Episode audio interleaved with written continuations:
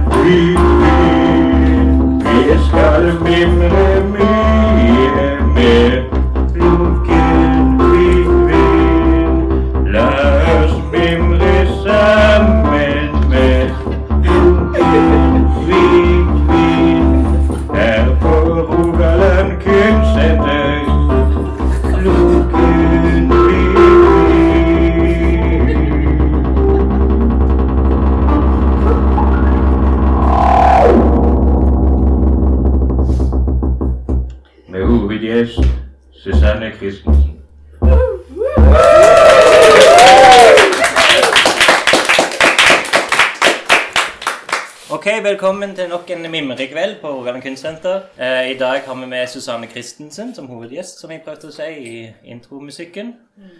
Eh, jeg må også si at eh, vi i eh, Lunken Hvitevin-redaksjonen, iallfall noen av oss Gustav har nettopp vært litt syk. Det var jinglemakeren vår, Gustav Jørgensen. Jeg har nettopp vært syk. Torunn Larsen er syk. Ingeborg, du er frisk, men kom litt seint. Så det kan være litt sånn rart. eh, Men eh, det, er bare en unnskyldning i starten. ja, nå har vi sagt det fra i tilfelle noen eh, reagerer på Hvis det er veldig pinlig. ja.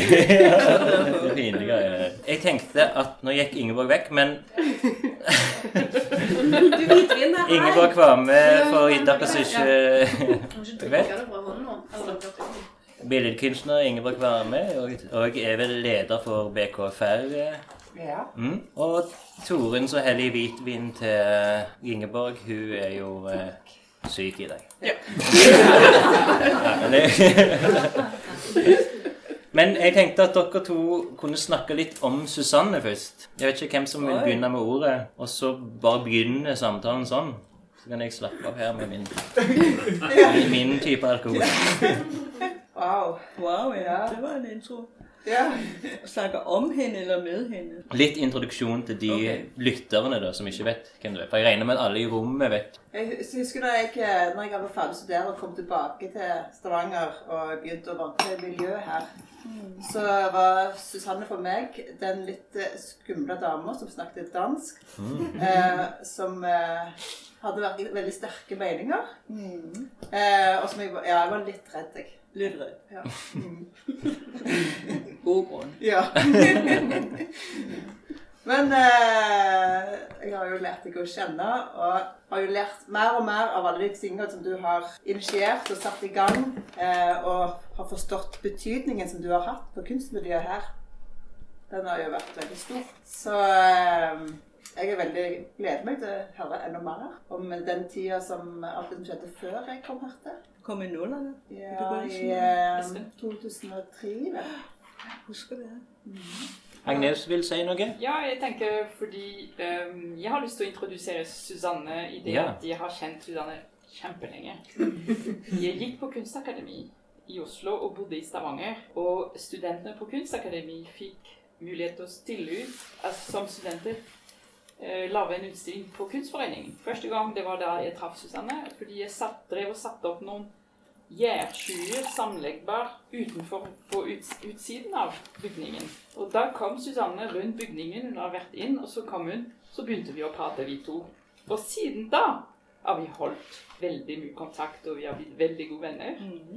Og har hatt noen feider og sånn, og er fortsatt veldig gode venner. så Og den gang da var vi 30 år. Da var vi tre. Kan jeg òg si noe om Susanne? Ja. Siri, Siri Barge. Nå, Siri. Ja, eh, for det at eh, jeg, var- jeg syns ikke Susanne var skummel når jeg kom tilbake for fire-fem år siden. Jeg syns hun var kjempespennende. Hun var uh, styreleder i BKFR. Eh, eh, kunstforeningen vår. uh, Når jeg kom her til, så satt jeg i styret, og jeg husker jeg tenkte For jeg følte meg allerede da nesten sånn trøtt og gammel med en gang begynte å snakke om, om eh, kulturpolitikk, og hun satt ennå liksom og var sånn Nei, men så skal jeg saktens si! Og var, så ja, det, det var bare veldig inspirerende, syns jeg. da. Så Det var et godt styre vi hadde. Ja, det var det. Alle ble litt sånn sinte og Ja, veldig fint. Nei, men det var jo rørende. Ja. Jeg må bare supplere det der med uh, Agnes, der fortæller, at du lå derude foran kunstforeningen. Og kunstforeningen var jo ligesom, det var jo på det tidspunkt, så var det faste galleri også en del af kunstforeningen. Ikke? Det var før museet. Så kunstforeningen var den rangerede højest af, i hierarkiet. Og så var det jo helt befriende. Det var derfor, jeg gik hen til dig. For du lå med sådan noget netting og farvet. Det der netting, det, var, det så sådan lidt loose ud. Kan man sige det sådan? Og dengang så lavede man ikke her i området ting, der ikke var helt inden for de klassiske discipliner. Så endelig så så jeg en, jeg kunne kende mig selv igen i, så jeg Ja. måtte jo blive kendt med dig. Så det var jo lykkeligt, du lå der på græsset og farvede et eller andet netting. Jeg, jeg husker ikke, men... Uh... Jeg husker det fra kunstforeninger. Det var utstilling ja. der eh, med de fire, fire 90-tallet. kuratorsamtalene. Husker du det? Ah, no, nei. Si noe mer. Det var slutten av 90-tallet. Ja. Nå, ja, ja, ja. Ja. Jo, jo, nå er jeg med. Altid sulten. Alt, alltid sulten. Ja. Du har håret, da. Hva sier du? På, på frisyren. Nå, håret, ja. Altså 80-tallet var jo veldig hårprakt. Altså der var man enten barberet i den ene side og havde rigtig mye hår i den anden, eller så var det knallrødt. og vi havde sådan lidt store skulderpuder. Mm. Og Og så bar du hatt. En mannehatt. ja, jeg hadde altid sånne forskjellige hatter. Og, ja. Altså litt mer kunstnerisk. Du både gikk ut og satt inne med hatt. Jo, så husker jeg at du var med i Locomotives òg. Det var jo også utstilling her. Det var i nullerne. Det var sammen med Helene. Ja, 2000 og... Altså, vi startede jo egentlig litt før, fordi at vi to, vi mødte hinanden, da du kom tilbake fra akademiet i Trondheim, og da var jeg ansatt her som sekretær for Sykkelfabrikken. Mm. Det husker jeg, Så jeg huggede jo alle de kule, og kom straks i kontakt med de unge, som jeg åbenbart følte meg mer i slekt med. Og så skulle vi jo gjøre et eller annet med al den energi, og så, det var, det var jo egentlig oss to, så inviterede vi Jan Inger Eilstad. og så senere så kom Geir Egel med. Og så var det i London, vi var, og på sådan en studietur, der var det bare os tre. Jeg husker endnu, for vi skulle have et eller andet cool navn, det kunne vi ikke helt finde ud af. Det, det var meget organisk. Altså, der var ikke den store sådan, overbygning. Og så blev det til Local Motives. Mm. Og, og det fortalte du jo, at vi havde, I havde alle slags tolkninger af det der navn. Ja, jeg forsto forstod ikke helt uh, Nei, nei. Men det var jo fordi... Loco ja, Ja, ja, var ja, veldig ja. dårlig. Kalte Ja. Helene for Helene Ødegaard. og Ja, Jeg er veldig dårlig på research. Men Turi ville si noe her. Jeg vil gjerne hoppe litt tilbake. mm, For jeg tror nesten jeg kjente aller lengst Susanne. For da du og Christian, Susannes mann, kom til Sandnes Christian var arkitekt og hadde fått jobb på Sandnes. Så tenkte jeg jeg må opp og hilse på henne, for jeg er sånn litt halvdansk. Jeg òg. Jeg har bodd Mm. veldig mye i Danmark. Og det var jo veldig koselig møte. Og så kjente vi hverandre i flere år, men så var jo du en av de som startet Sykkelfabrikken. mm, Sammen med Henrik eh, som Nilsen. arkitekt. mm. Stig var vel òg inne, Mm. og vi andre var inne, men mer som arbeidsmaur, holdt jeg på å si. Mm. For vi måtte jo pusse opp hele fabrikken og skrape gulver, og Mm. vi brukte et halvt år, faktisk. Der var jo Susanne primus motor, det må jeg si. Altså, jeg må jo bare si at stadigvæk, så var man jo ung den gang. Det her, det var... Ja, det. Den åpnet jo i 89, og vi, jeg tror, vi startede jo til seks, hvis Ja, jeg husker. ja. Øh, Berit, hvor er du? Du må sidde. Ja. Ja. Men altså senere så kom centret ind, ikke? Men vi startede, altså det der hårde benarbejde, Altså det, der er interessant med det, var jo egentlig, at vi var sådan en del af et stort transformationsbyudviklingsområde i Sandnes. Ikke? Det var bare fabrikker, altså alle Øglands gamle fabrikker, der lå dernede. Mm. Og så havde de jo fundet ud af, de her fabriksejere, at det var rigtig cool med kunst, fordi vi kunne jo ligesom generere øh, og være en brobygger for et nyt øh, område, altså, øh, som var en blanding av butikker, håndværk, boliger, alt mulig. Ikke? Så vi var jo faktisk de første, der kom inn der. Ja. Men jeg husker alle de møder, vi gikk til, og det var øh, Henrik Nielsen og jeg. Og det var ikke, der mødte man jo altså sådan nogle sikkelige bosser, Ja. altså fabriksdirektører, øh, folk, der ejede ganske mange penge, de var forretningsfolk. Og vi, jeg var i hvert fald i den sammenhæng en novice. Så jeg var veldig glad for, at han var med. Så det gik jo rigtig godt, men det tog mange, altså vi arbejdede faktisk med det i tre år, før at det var åbning. Altså både med at få Norsk Kulturråd ind, og få en organisering, hvor vi kom inn under senteret. Og øh, til Kunstnersenteret så organiserte det, og så hadde vi denne komiteen. Og, Ja, og altså det måtte jo inn for at vi kunne få støtte fra Norsk Kulturråd, så måtte det inn i En, en, en organ, en organisation, ikke? Altså, og så skulle vi bagefter arbeide på, det blev godkendt, Ja. at Ja. kunstsenteret også skulle drive med, Ja, ja. utsmykke. Det var vel egentlig dette at ja. Kunstsenteret drev med dette med formidling av utsmykkingsordninger. netop. Oppnevnte kunstneriske konsulenter og, og fulgte med utførende kunstnere. Altså det, der var det tidlige koret. Og så altså, trengte vi et monumentalverksted. Det var Ja. ikke alle som hadde så store verksteder privat. Sånn at i tilknytning til de individuelle verkstedene, så ble det jo bygget et eget rom.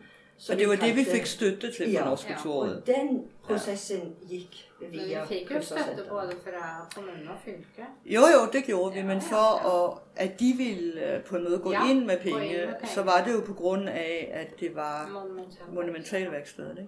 Og så fikk vi så støtte. Der havde vi mange interessante ting, der foregikk. fordi det var ikke bare, øh, at det blev, jo hvad skal jeg sige, også det, der var beregnet til, altså netop et rum, hvor man kunne udføre store, øh, hvad hedder det, arbejder i offentlige rum, eller udsmykninger, som vi kaldte det dengang. Men det var også alt mulige eventer og performance og alt muligt skete der inde i det der rum der.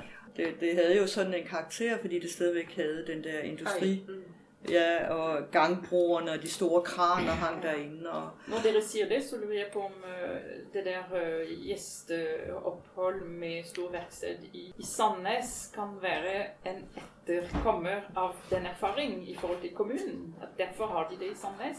Ja, ja, ja, Som er profesjonelt drevet, men, Men det er det. masse har penger for å gjøre det. Jeg lurer på om det, det er, det er en det. fortsettelse, fordi. Sandnes har hatt. En sånn erfaring, Nemlig. som har vært en veldig stor suksess. Og der var jo en annen hybel, der hørte til. Jeg bare på det. Men det var det. Fordi den ble jo, altså det hele er jo Det revet. Ja, det hele er jo revet i. Mm. Men forhistorien til, hvorfor at det der skete, var jo øh, det, som vi vel egentlig sådan skulle snakke litt om i dag, og det var jo kvinnene i kunsten, ikke? Altså, hvordan var det ligesom kvinnene kom inn på banen? Fordi da jeg kom, flyttet hertil, i, det var så i Oceania, så var det lige Berit og jeg, vi snakkede om, der var der tre kvinder, der var medlem af BKF. Fire. Fire var der kanskje nok eh, flere, fem, men eh, den kanskje. første medlemmen Jo, men det var en meget lille del. Ja, der det var bitte, Ja. bitte lille del. Det var, Hun de på en hånd. ja. Hvor mange mænd var det da? Jamen, der var mange. Jeg, jeg husker ikke det endelige an- antal, men det, det, det var jo en relativt stor forening. Enda mere, kanskje. Øh, jeg havde for eksempel på det tidspunkt, før jeg gik på akademiet, så gik jeg jo på kunst- og håndværksskolen, så jeg var jo tekstiler. Så jeg manglede egentlig bare å være lesbisk, så hadde det været. Jamen altså, man var så uleset, altså det kunne aldri bli, det kunne ikke være kunst. Og Ture Gramstad, der lige har fått den her St. Olaf-orden, snakkede jeg med, her, inden hun reiste. Hun var desværre ude å reise i dag. Og hun fortalte en riktig sjov historie, eller vi snakkede om en sjov historie. Og det var, at oss der hadde den her tekstilbaggrunn, som øh, slogs dobbelt opp med de der mænd, det var jo, at de sagde til Tore du må ikke skrive, at du har jobbet 20 år som designer på Figjo. Altså det, altså det ødelægger enhver kunstnerisk karriere, ikke? Altså de, og, og det var veldig massivt, altså det var på grænsen til mobbing, vil jeg si. Ikke? Mm. Og det er jo faktisk det, hun i dag har fått den Sankt Olaf-orden på. Altså. så øh, altså tiderne er jo heldigvis forandret seg, og man kan godt jobbe i mange felter. Øh, men det kunne man altså ikke på det tidspunkt. Så, så det var jo også summen af, at, vi var mange øh, fra den generation, og spesielt kvinner, der følte, at nej, altså, vi må bare lave noen nye scener her, for vi kunne, ikke, vi kunne ikke helt komme inn. Altså motsatt måske i dag, hvor vi i vår generation har opplevd at de unge veldig blir dyrket, og det er kult å være ung, og øh, tight å være gammel, ikke? så var det jo lige omvendt den gang. Altså der var en respekt altså, for øh, folk, der var ældre, og unge, så måtte vi liksom pænt vente i køen altså på å komme til. Ikke? Og vi var jo som børn av 68, så det ville vi jo ikke. Så det, altså det var vel det, der var bakgrunnen for eksempel cykelfabrikken, den oppstod. Altså vi måtte jo gjøre noe. vi måtte rydde noe, noen arealer, så vi kunne komme til. Og det var jo litt spændende å tenke tilbake på. Selvom det ikke var hele øh, grunden. Og så lå det på, i Sandnes, det var, det var også helt umulig. Altså, når man, altså, alt foregik i Stavanger. Ja. Ikke noget udenfor. I suburban derude i Sandnes i Handelsbyen. Men du, du bodde jo Jeg boede jo der, så jeg, og jeg kom jo udefra, jeg syntes ikke, hvad de mente. Jeg synes, det var et fedt. Altså Sandnes, Foro, Stavanger, det var vel en ting. Men jeg syntes jo det senere, det var det jo ikke helt. Men uh, vi hadde ikke råd å bo i Stavanger. Det var derfor, vi bodde der, hvor vi. Så når du flyttet herfra. Ja. Så, når du kom hit, så var det jo mannsdominert. Men nå Ja, nå er det omvendt. det er. Det er meget interessant. Tiden var det liksom Ja, hvad tid var det, det skete? Altså, det er nok en generel udvikling i hele samfundet. Ikke? Det Ja. gælder nok ikke bare kunst, men øh, det er jo svært at sige, hvornår skete det, men det skete nok i 90-tallet, tror jeg. Øh, 90-tallet og nullerne. Så speedede det endnu mere op, ikke? Og det var jo, som jeg sagde til Berit, det var jo sådan, at hver gang kvinderne de indtager et domæne, så falder det jo i status. Altså, det gjorde det så- da. det ikke nå lenger. Nej, det spørs. Ja, du Berit, Det er jo en liten morsom historie, men Berit har notater. Knyttet til dette som jeg satt og så på. Det denne her eh, boken eh, i forbindelse med Bildende Kunstners Forening sitt eh, 60-årsjubileum. var det. Den kom ut i 1992. Da, da er det jo en sånn en eh, fagforeningshistorikk innledningsvis. da. Foreningen ble jo startet da i 1932, og så ble den rekonstruering i 1947 etter krigen. Under krigen lå jo alt bak. Og det var jo bare mannlige medlemmer med der. Der er det en historie om Emil Abrahamsen, en kunstner som er gått bort for lenge siden. Tror han døde på ja, tidlig 80-tallet eller i 70-årene. Eh, Han var òg den første formannen i BKF i sin tid. Men han eh, sier da i eh, 1954, i et brev, skriftlig brev, det har vi i arkivet liggende, mener jeg En dame har hatt anledning til Og så skriver han sånn Å med to a-er og sånn skikkelig gammelt. Men en dame har hatt anledning til å stemme på jury, og til det må jeg sige at jeg ikke kjenner til at det er noen dame som er medlem av BKF.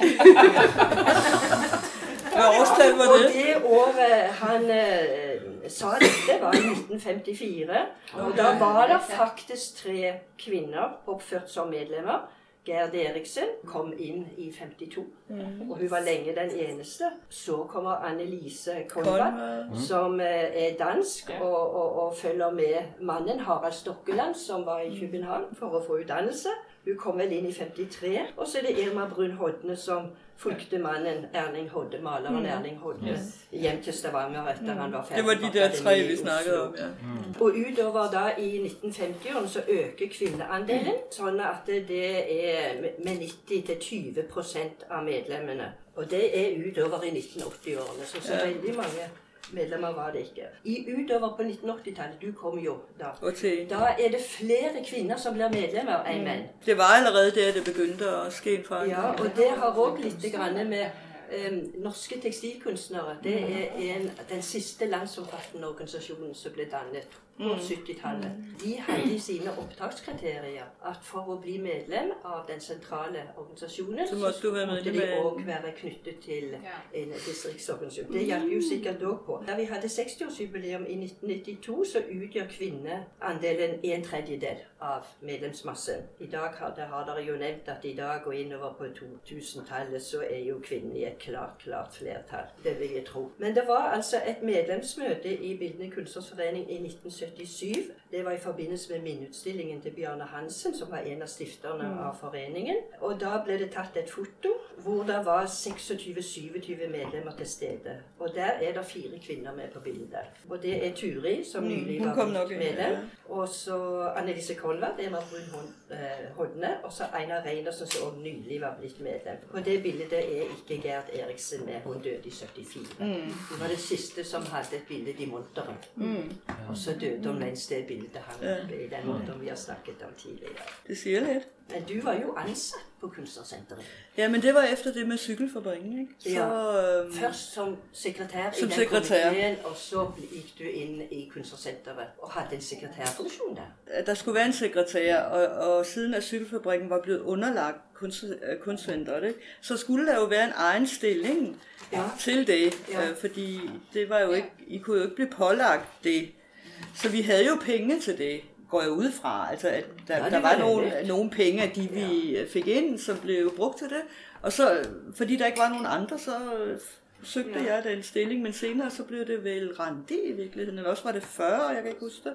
Randi Økland. Jeg husker i hvert fall at du fikk besøk av foreldrene dine, og de presenterte du oppe på Ja, det kan jeg også huske. Og det var veldig familiært. Ja, alle kendte alle og hinandens familie og børn, og øh, vældig hyggeligt. Altså, altså, jeg synes jo, det var rigtig fint, fordi på den måde så havde man jo øh, altså kollegiale forhold også herinde, og vi var jo ligesom, jeg havde jo været veldig aktiv, da NK skulle blive en del af kunstcenteret. Jeg Ja. sad i styret på det Og det var jo lov. Så jeg kendte jo også øh, Gunnar Aas veldig godt, og der var jo mange slåskampe der, da NK skulle, altså norske kunsthåndværkere, de skulle ind. De havde jo en egen organisation og galleri, og Ulleleir ja. Og så skulle de så på grund af øh, altså tilskud fra staten, og det var pålagt på en måde, at kunstcentrene skulle øh, tage op kunsthåndværkerne på det tidspunkt. styre som bestod af medlemmer fra NK Ja. og BKF. Så jeg var jo med i hele den proces også. Mm. Og det var, det var en ganske hård kamp. Der husker jeg faktisk op til to og tre gange, jeg måtte ud og græde på, øh, på gangen. Altså det, altså, det krævede virkelig sin kvinde. Altså, der var sådan en, der kunne godt være vældig hård retorik på, den, på det tidspunkt, ikke? Og øh, der var en del øh, af de mandlige malere, som vi jo kaldte dem, det blev sådan et begreb. altså, de var ikke interesseret i at få alle de der, der holdt på med specialiserede materialer ind. Men egentlig, når man først var kommet ind, så jævnede alt sig jo. Altså i dag, så, så lyder det jo helt som om det er løgn, ikke? Men det var sådan. Ja, og altså. Og det var jo fordi, at de to traditioner havde været helt adskilt. Ikke? Men der var rigtig mange kvinder jo i NK. Så der, så der kom der også mange øh, medlemmer ind i... og de hadde allerede startet et galleri, og de var Ja. kommet så langt at de skulle inn her på Nytorget, og senteret var opprettet, og så eh, tror jeg de følte at dere kom liksom bare rett inn der, dere hadde ikke gjort noe. Nei, nettopp. Og det var jo riktig nok på den måten, men det var jo samtidig poll. altså det skete jo i hele landet. Men det var litt det samme konflikt som eh, på kunstskolen. Det tok sin tid å få performance og data inn. Og uh, konflikten gikk på at uh, de som hadde makten på den tiden, la oss kalle dem de mannlige malere, hvis du vil, så var så redd at pengene skulle ta, bli tatt delt i to. Fordi vi, det, det er vanskelig å få tak i mer penger til sånne ting. Og det var noe av det som også var hindringen til å åpne opp det der systemet som Bilkunst hadde jobbet så lenge med, og fått det stedet. Så skulle de dele det med Ja. Kunsthåndverket så blir det halvparten så mye muligheter å lage utstillinger, ikke sant? Ja, det Så det var sånn det. tenk, folk tenkte. Mm. Så derfor var det også maktkamp. Men jeg husker det var sånn på kunstskolen forhold til Så de nye altså performance og data. Det tok flere år før de kom inn ordentlig. Mm. Men så var det jo mange medlemmer som var eh, altså kunstnere som var medlemmer både i NK og i BKF. De hadde dobbelt medlemskap. Dobbelt medlemskab. Ja, ja. Så jeg tror det gikk i grunnen veldig bra til slutt. Det er jo det, jeg sier. At, eh, disse her jentene, de eh, De var ikke så dumme. ja, nei, det var, de hadde orden i sysakene. De har orden i sysakene, så dere kom veldig fort med i styret og stell som sekretærer og, og det hele. Og det er jo det derifra den er den morsomme historien med, med Turi og Terry de gnikte stadig på hverandre. Og, eh, og dette, de, de så liksom på det å være tekstilkunstner, det var liksom ikke billedkunstner. Og du, Turi, du, du kalte billedkunstner Ja, men de er jo kunstnere, det husker jeg du sa en gang. Så jeg, det er du også, ja. Ja, men det er ikke helt på det samme Er måten det som du. Ja. Men i hvert fall så, så tok Turi han Terry da hun spurte han, hva er det du maler på? Sier jo til han, ja, han malte på lerret, sa han. Ja, men da er du tekstilkunstner. Det, det havde vi mange billeder. Det synes jeg var så godt. Det var et rigtig godt svar. Ja.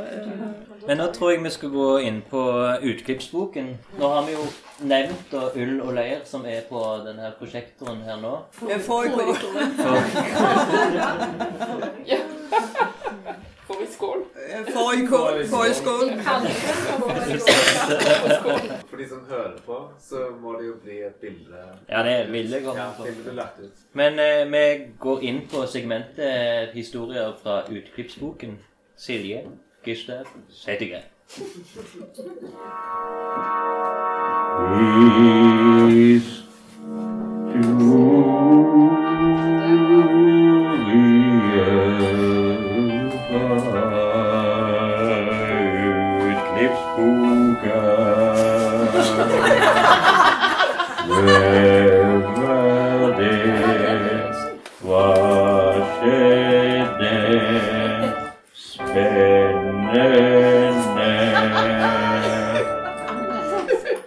havner vi på kunstens trofaste tjenerinne, Aud Øy, som er din mor, Berit Vatne. Hvem er det? Det er min mor. Det er din Er det mor. det? Ja. Den første kvinnelige ansatte. Den første kvinnelige ansatte på provisjonsbasis. Sånn at uh, lønnen hennes uh, det var en viss porsjon av salget til kunstnerne på utstillingen. Og jeg eh, tror hun eh, ble ansatt før meg. Og hvis vi tenker da at det galleriet, det første kunstnerstøtte galleriet utenfor Oslo, det var i 1966 i Uregata til 68. Og så kom vi ned i Verksgaten og fikk støtte fra Kulturrådet til å sette de eh, gamle Rogaland Avis sine lokaler i stand. Og jeg tror det var da hun kom inn i bildet i, i 68. Så dro jo vi til, til Bergen i 70. Og da vi kom tilbake i 1974, da hadde mor vært med i de årene der nede.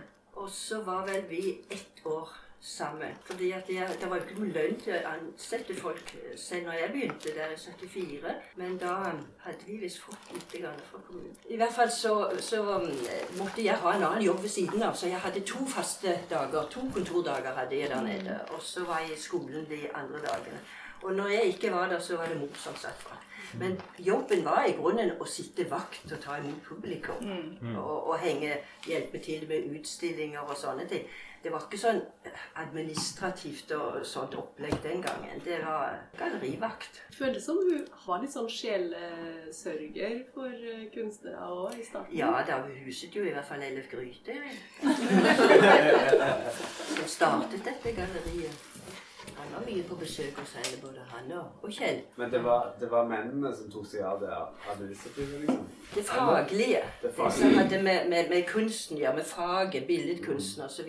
Og, og på den tiden så var jo foreningen eh, helt dominert av mannlige billedkunstnere òg. Det var jo bare de tre-fire kvinnene vi har snakket om som var med den gangen da. Jeg har sett uh, Aina Reinertsen sitt navn i masse Ja da, hun kom inn 70-tallet. referater. På 70-tallet. Hun skrev alltid referat. Ja, og var sekretær når vi hadde det store klosterseminaret, landsomfattende med alle organisasjonene osv. Da var, satt hun med skrivemaskiner ute på Ustein kloster, og der vi egentlig startet hele greien. Det var vel det seminaret der som alle kunstnerorganisasjonene i hele landet var med på, og det var jo da det begynte med Det var kulturmeldingen, og det var da vi fikk opprettet regionale kunstnersenter. Det Altså, kom jo i 70. var det under kunstneraksjonen i, i øh, Ja, det, 70-tallet? kunstneraksjonen Ja. var en forløper til det. Ja. Det, var, ja.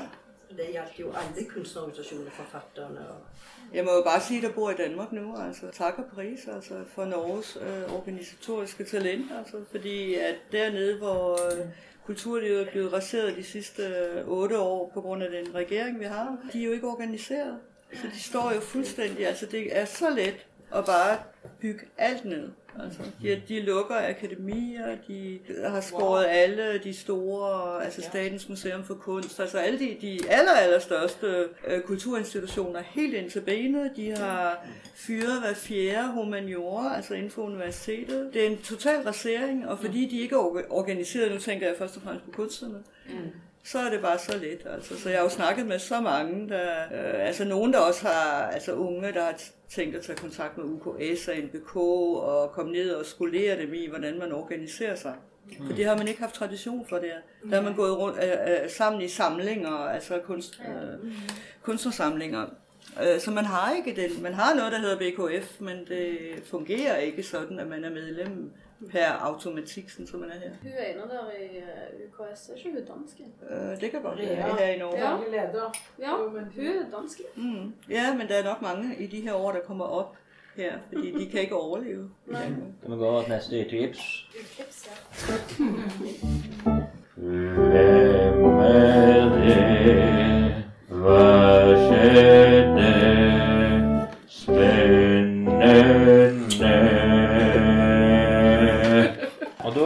Afrikansk kunstuke på Nytorget. Masker står sentralt i kunstuke 87. Og det er billedhogger Agnes Tyfon som er her i dag. Jeg har glemt.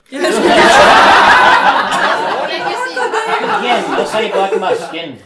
Velkommen inn om du ser på jeg jeg må nærmere.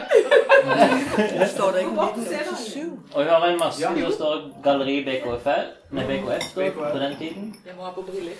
13. til 25. Du har briller på. Kunstuke 87. Husk vel, ok. Ja, Husker det noen år? kunstuke. Jeg må bruke riktige briller. Eller maske, kanskje. Internasjonal kunstuke heter det. Du husker det årlig. Ja, jeg må si med en gang jeg tenkte herregud, du er ordentlig sykt. Nei, men eh, det, vi, vi hadde noe årlig som het Ja, ja. Internasjonal kunstuke. Og jeg tror du, Alice, var ganske aktivt med i å eh, lage den utstillingen der. Ja, jeg engasjerte meg allerede på den tiden med innvandrersenter. Hadde med det å gjøre. vi hadde samarbeid med de. Det årets kunstuke. De holdt til rett oppi gaten her. Den internasjonale Og så syns jeg jeg kjenner igjen noen ting fra Torunn Trall, kanskje det? Kan det stemme? Ja. Det er det bildet nede. Ja. Så, ja. ja, men eh, det kan ha med sånne ting å gjøre. Jeg var engasjert allerede tidlig med problematikk med innvandring. Eh, jeg er det fortsatt, tydeligvis. Uten å tenke spesielt om det, men eh, Vi hadde svært arrangement oppe på kunstnersenteret her med mat, og så vi spiste borte på innvandrersenteret. Du husker det bedre enn meg. Nei, jeg husker det ikke så veldig godt, Nei. men det var Men jeg husker i hvert fall at vi hadde musikk, afrikansk musikk og dans, og vi hadde af afrikansk eh, inspirert kunst ja, ja. som vi hadde Det var liksom rammen, dette med at vi valgte Afrika i i forbindelse med den internasjonale kunstuken. Så kunne det være et annet tema et annet år. Men du var i hvert fall, og Torunn var aktiv med Ja, for Torunn var veldig opptatt av Afrika på den tiden. Ja, var det. Og Det var jo så Africa Aid-perioden òg, dette her. Men vi hadde kunstinnvandrersenter uh, innvandrersenter er rett ved, og så sa jeg til meg selv, så jeg er jo opprinnelig fransk, og uh, tredje generasjon utvandrere, norske utvandrere til Frankrike. Og så har jeg tenkt hele tiden den, med- på den veien, fordi når jeg kom til Norge og begynte på Kunstakademi i Oslo, så hadde vi en professor der, Erik Dæhlin i kunsthistorie, som øh, jeg følte meg så velkommen. Så utrolig privilegert fordi jeg bare var fransk. Og han snakket bare om impresjonismen, så jeg fikk kjempestor plass. Og jeg syns egentlig de hadde ikke fortjent det. Skal jeg ha det bare fordi jeg er fransk, liksom? Så det har jeg tenkt lenge. Altså hele veien i mitt liv, egentlig. Så når jeg kom til Stavanger pga. det der historien hvis dere vil, så tok jeg kontakt med Innvandrersenter, og så sa jeg til meg selv trengs ikke å reise til Afrika langt vekk for å reise, fordi vi kan bare dra dit og snakke med folk. Så og da kom det folk fra Afrika, fra da Eritrea. Jeg husker jeg eh, gikk på de der lørdagskafé på innvandrersenteret der i Brødregate bak der. Og så kom eritreerne først. Og så kom kurderne etterpå. Og jeg, jeg hadde prosjekt med og tegnet folk, og jeg fikk penger fra kommunen. Og laget et uh, grafisk arbeid som jeg kalte for tegn i stein, og det var litografi. Og så videre og så videre. Eh, og Den afrikanske uke må ha vært i kontakt med de tingene. da, Og Torunn som var opptatt av het han som var daglig leder der. Hva? Petter Gilsvig, Ja. ja. Ikke sant? Så det var kjempetid også med de. ja. Ja, eh, Var det noen afrikanere som lagde kunst òg, da? Eller var det Jeg husker ikke det. Var det liksom hvite kunstnere som lagde afrikansk kunst? Det husker jeg ikke hva det var, fordi jeg husker ikke så godt den utstillingen egentlig, men jeg, jeg ser det er meg, så Det synes jeg jo er veldig interessant, fordi det er jo et annet aspekt av det der, Nå snakkede vi om kvinner før, som den der marginaliserede gruppe, ikke? Altså, der var jo ikke noen medlemmer, der var farvet på det tidspunktet. Altså, vi tenkte jo ikke engang over, at det var et problem. Det er jo meget senere, man har fått en bevidsthed om det. Det er fordi de var ikke her. altså... Jo, de var jo faktisk her. Jo, nei, men, men I de 8 nett- til 7. De hadde nettopp kommet. altså Folk kom nettopp. De kunne ikke norsk. De, de kom bare. ikke sant? Og jeg organiserte utstillinger med en eritreer som var veldig opptatt av de tingene, så vi organiserte utstilling av shal- shalwar kamis eh, på eh, innvandrersenter, dvs. Si plagg som eh, pakistanske kvinner gikk med. Og Da engasjerte vi alle og gikk hjem til dem, og de viste oss deres smykker, og de hadde fest der, og så det var kjempespennende. Blant annet organiserte andre ting sammen med Torunn, faktisk. Så den må ha var- kommet i sammenheng med Jeg det der. tror at det med den internasjonale kunstuken hadde sammenheng med at det var veldig stor innvandring. eh, Ja. Ja, oljevirksomhet. det var det. Mm. Ja. Og de kom fra Nei, men Det var også med pga. eritreisk politikk. Ja, så de ja. kom fordi de flyktet. Og Ja. kurderne, ikke minst. Ja. De kom der, og jeg ble kjent med noen. Og når jeg var på kunstskolen hvis der, så fikk vi de første innvandrere som søkte på kunstskolen. Ja. Og blant en av dem som ble veldig etter hvert veldig kjent, er Zaradash Ahmed. Ja. Som fikk alle prisene på en kortfilm han fikk til. Det var, jeg ble kjent med en fra Israel som bodde her, og en fra Eritrea. Så inviterte jeg dem til å skrive på min litostein. Så de skrev på den, og så ble med i det. Apropos det du spør. ikke sant? Altså, engasjerte altså, De skulle være med og holde på. og sånn. Mm. Nei, for jeg bare Er det noen her som ikke er liksom hvite i dag? liksom? Jo, men vi har en medlem. Vi hadde det, en afrikaner, eh, en periode. Men, Men eh, det bare fortsatt i, i dag, da. Altså, Ja. så det er jo interessant i forhold til det her kvinnelige perspektivet òg. Ja da. Ja, for det, henger, jo sammen. Ja. Men Eh, men, det- men, men eh, Det er et annet hegemoni, ikke? Altså, at vi... Ja. Ja, altså Ja. det der postkoloniale øh, udstillinger, vi alle sammen har vært været ude at se internationalt, ikke? Altså, det er jo først i nullerne. Det kom op, altså, hvor man pludselig så, at man har faktisk dyrket hele den vestlige øh, verdens kunsthistorie, ikke? At der var en helt anden kunsthistorie, hvis Ja. vi så, så det globalt set, ikke? Altså, jeg kan huske i hvert fald i Kassel øh, og Venezia har også øh, haft op de der temaer, ikke? Altså, at mange andre steder. Så det er jo egentlig samme problematik. Ja, marginaliserede grupper. Men så har vi jo òg fått et annet ord som folk har blitt veldig kjent med nå, og det er jo appropriasjon. Mm. Ja. Det er jo noe som egentlig er ganske nytt begrep. Og jeg sånn, eller i hvert fall nå er det flitt, Mm. flittig brukt mye mer enn det det var tidligere. Så derfor er det på en måte litt interessant òg, da. Hvem lagde den afrikanske kunsten i Afrikansk kunstuke på Nytorget på det tidspunktet der? Så det er jo spørre Torunn, tror jeg. Men Toren, hun fikk i hvert fall et, øh, et barn med en afrikaner, ikke? Så, så hun har i hvert fall. Nå er det greit! Læg den helt ut. Tar jeg helt feil når jeg sier det, at det var noen utstillinger for ikke så veldig lenge siden? En sånn kimono-utstilling som var lagd av en hvit mann? På senteret her. Nei, ikke på senteret her. Det ble vist i Hillevåg. Så jeg sa Mener du det? Er det en hvit mann som har lagd en kimono-utstilling? Ja, ja, nei, stemmer det. Jeg var ikke så han sjøl, da. Ja, nei, ikke jeg heller, men jeg skjønner hva hvilken ja, ja, og det syns jeg var veldig spesielt. Det er liksom eh, veldig mange måter eh, og Sånn appropriasjon på flere lag. Ja. Så er det sånn, ja, det ja, ok. Samtidig så det er nysgjerrighet som skaper at det skjer noen andre ting. Så man skal være litt sånn følsom på hva er det som skjer, og hvordan, og ikke nødvendigvis eh, kritisere. Altså, Å nei, det var ikke Ja, kritikk. Det. Fordi Stavanger var, som når jeg kom, var det veldig preget av misjonist, altså misjonær. Det var et misjonær. Bibelbilde. Ja. Hvor det er flere av dere som er herfra som uh, kjenner til det. Og um, så til og med innvandrersenteret var sikkert skapt Petter Gilsvik var sikkert i det miljøet. I hvert fall det, det er sånne ting som skjedde. Men det har åpnet opp. Det er det jeg vil si, da. Det åpner opp til at det skjer andre ting. Kristin? For det som du sier, jeg, jeg, tror det òg er mye, mye på en måte de som sto bak den utstillingen, det var nok mye fascinasjonen for tekstilene, eh, formene og, og på en måte broderiene som var på og alt dette her. Det var det som gjorde at de Det var bare en kommentar. Men jeg skjønner òg at det var litt sånn hm?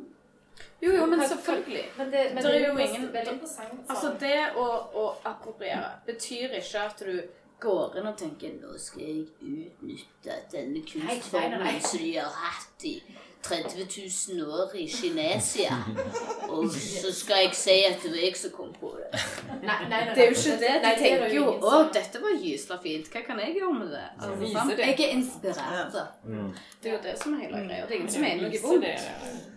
På den tiden her i Stavanger på 80-årene der, så var det faktisk bortimot en 80-90 forskjellige språk som ble snakket. Og det var jo da vi fikk den internasjonale skolen, blant annet. Og det Mm. var, det var veldig stor grad av innvandring. Men en ting er Men olje, en annen ting er Ja, en ting er oljen, ja. Men, men det var veldig internasjonalt miljø. Ja, det det. er Men før den tid så ble vi jo kjent med afrikanske kulturer og kunst gjennom Misjonssambandet. Det var jo misjonærene som reiste ut, og det var de som kom hjem og lagde utstillinger med bambushus og det- sånne greier. Og ellers så var det vel Ja, det er én ting, men en Gjennom, gjennom Pippi Langstrømpe sin far som var jegerkonge i Afrika. og sånn, Så jeg er jo så gammel at jeg vokste jo opp med dette her. og- Men Misjonssambandet hadde noen flotte utstillinger når det gjaldt eh, afrikanske kunsthåndverk spesielt. da. Som, som inspirerte Nei, jeg tenker det er én ting hva, er hva den hvite mann har samla inn. En annen ting er også å få presentere eh, afrikansk kunst av afrikanske kunstnere. Mm. men eh, Museet for samtidskunst hadde jo på slutten av 80-tallet hadde et samarbeid med afrikanske kunstnere for å stille ut da, i, i Museet for samtidskunst. Men jeg vet ikke hvordan det prosjektet der gikk videre. Nei, det kan jeg faktisk det, ikke huske. det, er jo det, det er jo det der kjente hierarkiet der innenfor Ja, er kunstverdenen. det Det er jo faktisk først i nullerne, Yes, man har indset, at vi har Ja, været av, at vi har det blik på det andet. Altså det, det er ligesom the others. Altså vi, vi er præget af vores egen historie, og har, altså vi, vi så det som eksotisk. Ikke? Så også Ja, i den tidlige modernisme, hvor man var vældig inspireret af det, det primitive og masken og alt det der, ikke? Øh, så var det jo det, fordi man anså det som noget eksotisk. Altså det uberørte.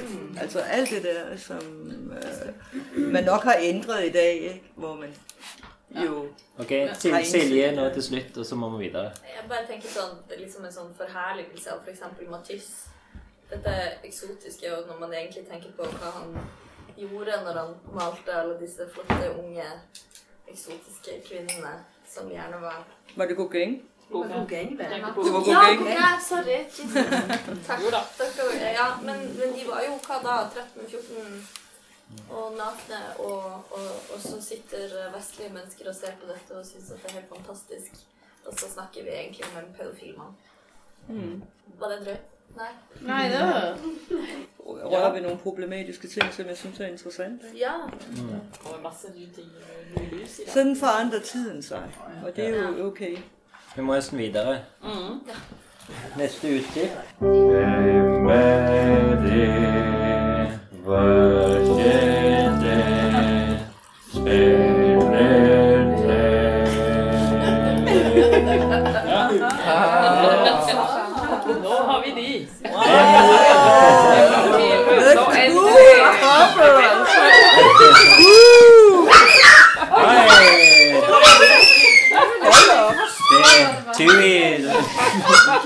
Sier det. Jeg trodde det var noen som bare ble med. Da har vi havna på Hvem bryr seg om kunsten? Stavanger er stappfull av kunst akkurat nå. Det er utstilling omtrent på hvert hjørne, men hvem bryr seg om det? Er det nå, da? Da er det kunstnerne Ja. Det er Susanne Christensen og Odd Sama som markerer Kunstforeningen 60-årsdag. Jubileum med utstilling fra en kunstforening. Så hva er, hva er dette for noe, Ja, Susanne? det kan jeg overhovedet ikke huske. Alt det vi har ment, altså. Det var et kult, veldig kult bilde. Veldig kult bilde, det vil jeg si. 60-årsjubileum. Kunstforeningen ble jo opprettet i 1908 og- Nei, 18... Altså, hva årstall var det her? Om det står Nei, vet du Ja, hva? så 60-årsjubileum. Ja, det er BK. Det vel 92 da. Det BKFR sin jubileumsutstilling. Så det er og sitt 1992. 60-årsjubileum. 92? Og det da dere hadde en utstilling der oppe. Og det er det ikke den gamle monteren som står der og står foran der? Er det det? inngangsdøren. det? Er det Det som Nei, foran foran Stavanger kunst... Vi står i, øh, nede i kælderen, du ved, den der... Det er ja. Inngangsdøren, ja. Det lignet på monteren, så de fikk det slutt. Nå, men jeg troede nemlig, det var den gang at Odd og jeg, vi var utstillingsledere Ja, i 90-tallet. Det hadde vært litt mer interessant å snakke om. Ja, gjør det. Men ok, vi så sgu da kule ut. Vi var litt av et kobbel, altså må jeg si. Nå. Kan ikke du snakke om det, da, den tiden? med- Jo, men jeg, for jeg altså akkurat litt det der kan jeg overhovedet ikke huske, altså hva det handler er om. Øh, Det er sikkert medierne, der har... Ja, men hadde ikke dere en utstilling der? Jo, vi har hatt mange, Okay, men jeg kan ikke huske, det var noe spesielt med det. Altså, Jo, fordi at vi viste den jubileumsutstillingen forskjellige steder. Vi hadde på Kulturhuset hadde vi en utstilling, oppe i Kunstforeningen hadde vi en utstilling, her på Kunstnersenteret hadde vi en Okay. utstilling. Så flere steder i byen ble den jubileumsutstillingen vist. jamen det kan godt være. Ja, men det kan jeg godt huske noe av. var oppe. Ja.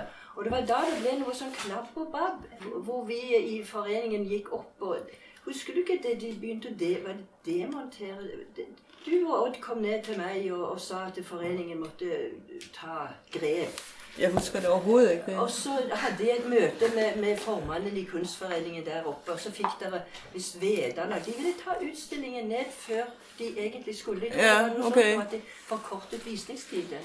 Men i hvert fall så måtte de Så løste vi det problemet. Jeg husker det spesielt fordi Osama kom ned med en flaske champagne til meg. Du klarte det bedre, sa han.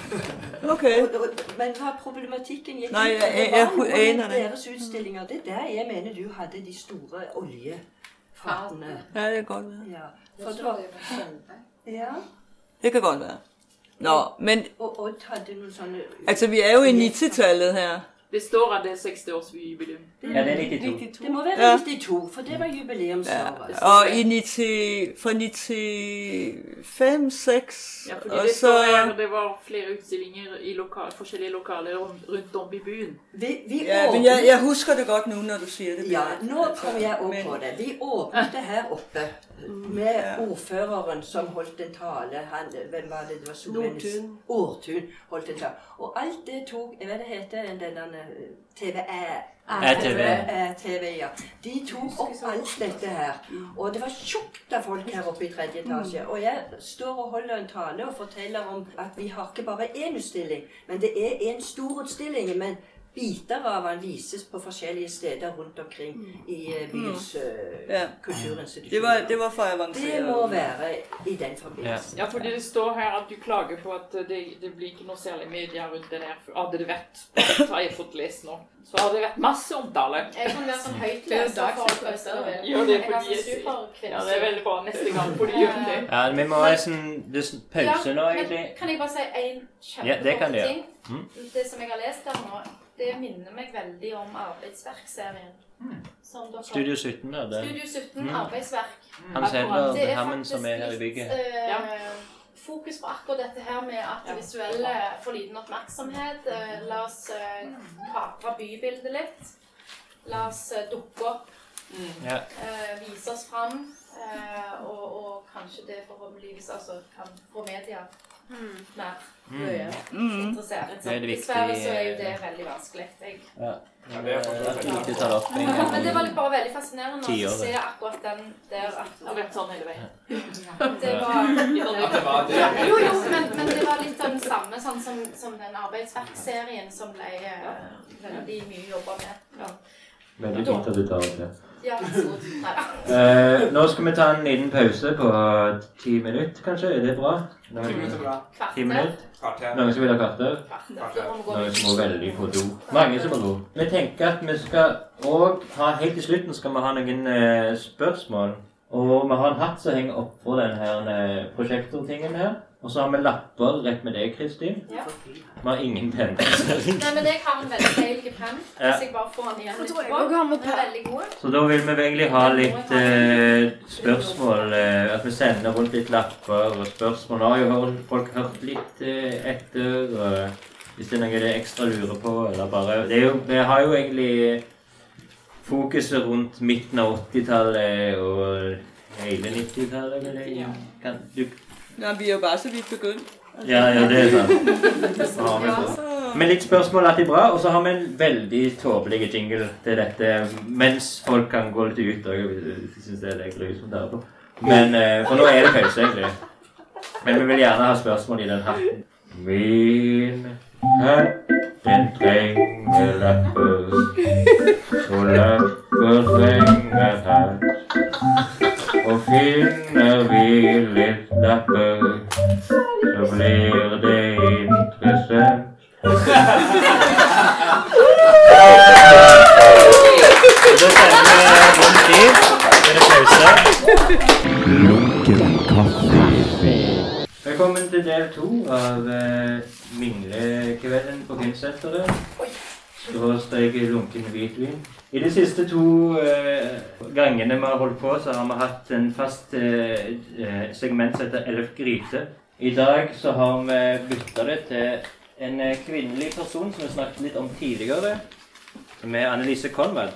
Og da har vi lagt en liten ting. Tre og fire og Den tredje kvinnen som medlem av BKF er Annelise Kønvær. Hun var en mange kunstnerkjær. Annelise Kønvær.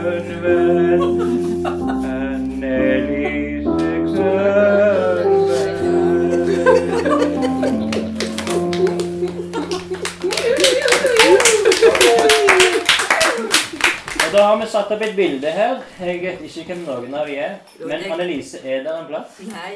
Nei. Er det Geir som er på Det er Gerd Eriksen som sitter bak der. Og det var den første kvinnen som kom inn. Og det var hun som var da kom, som jeg viste til som var kommet inn i foreningen.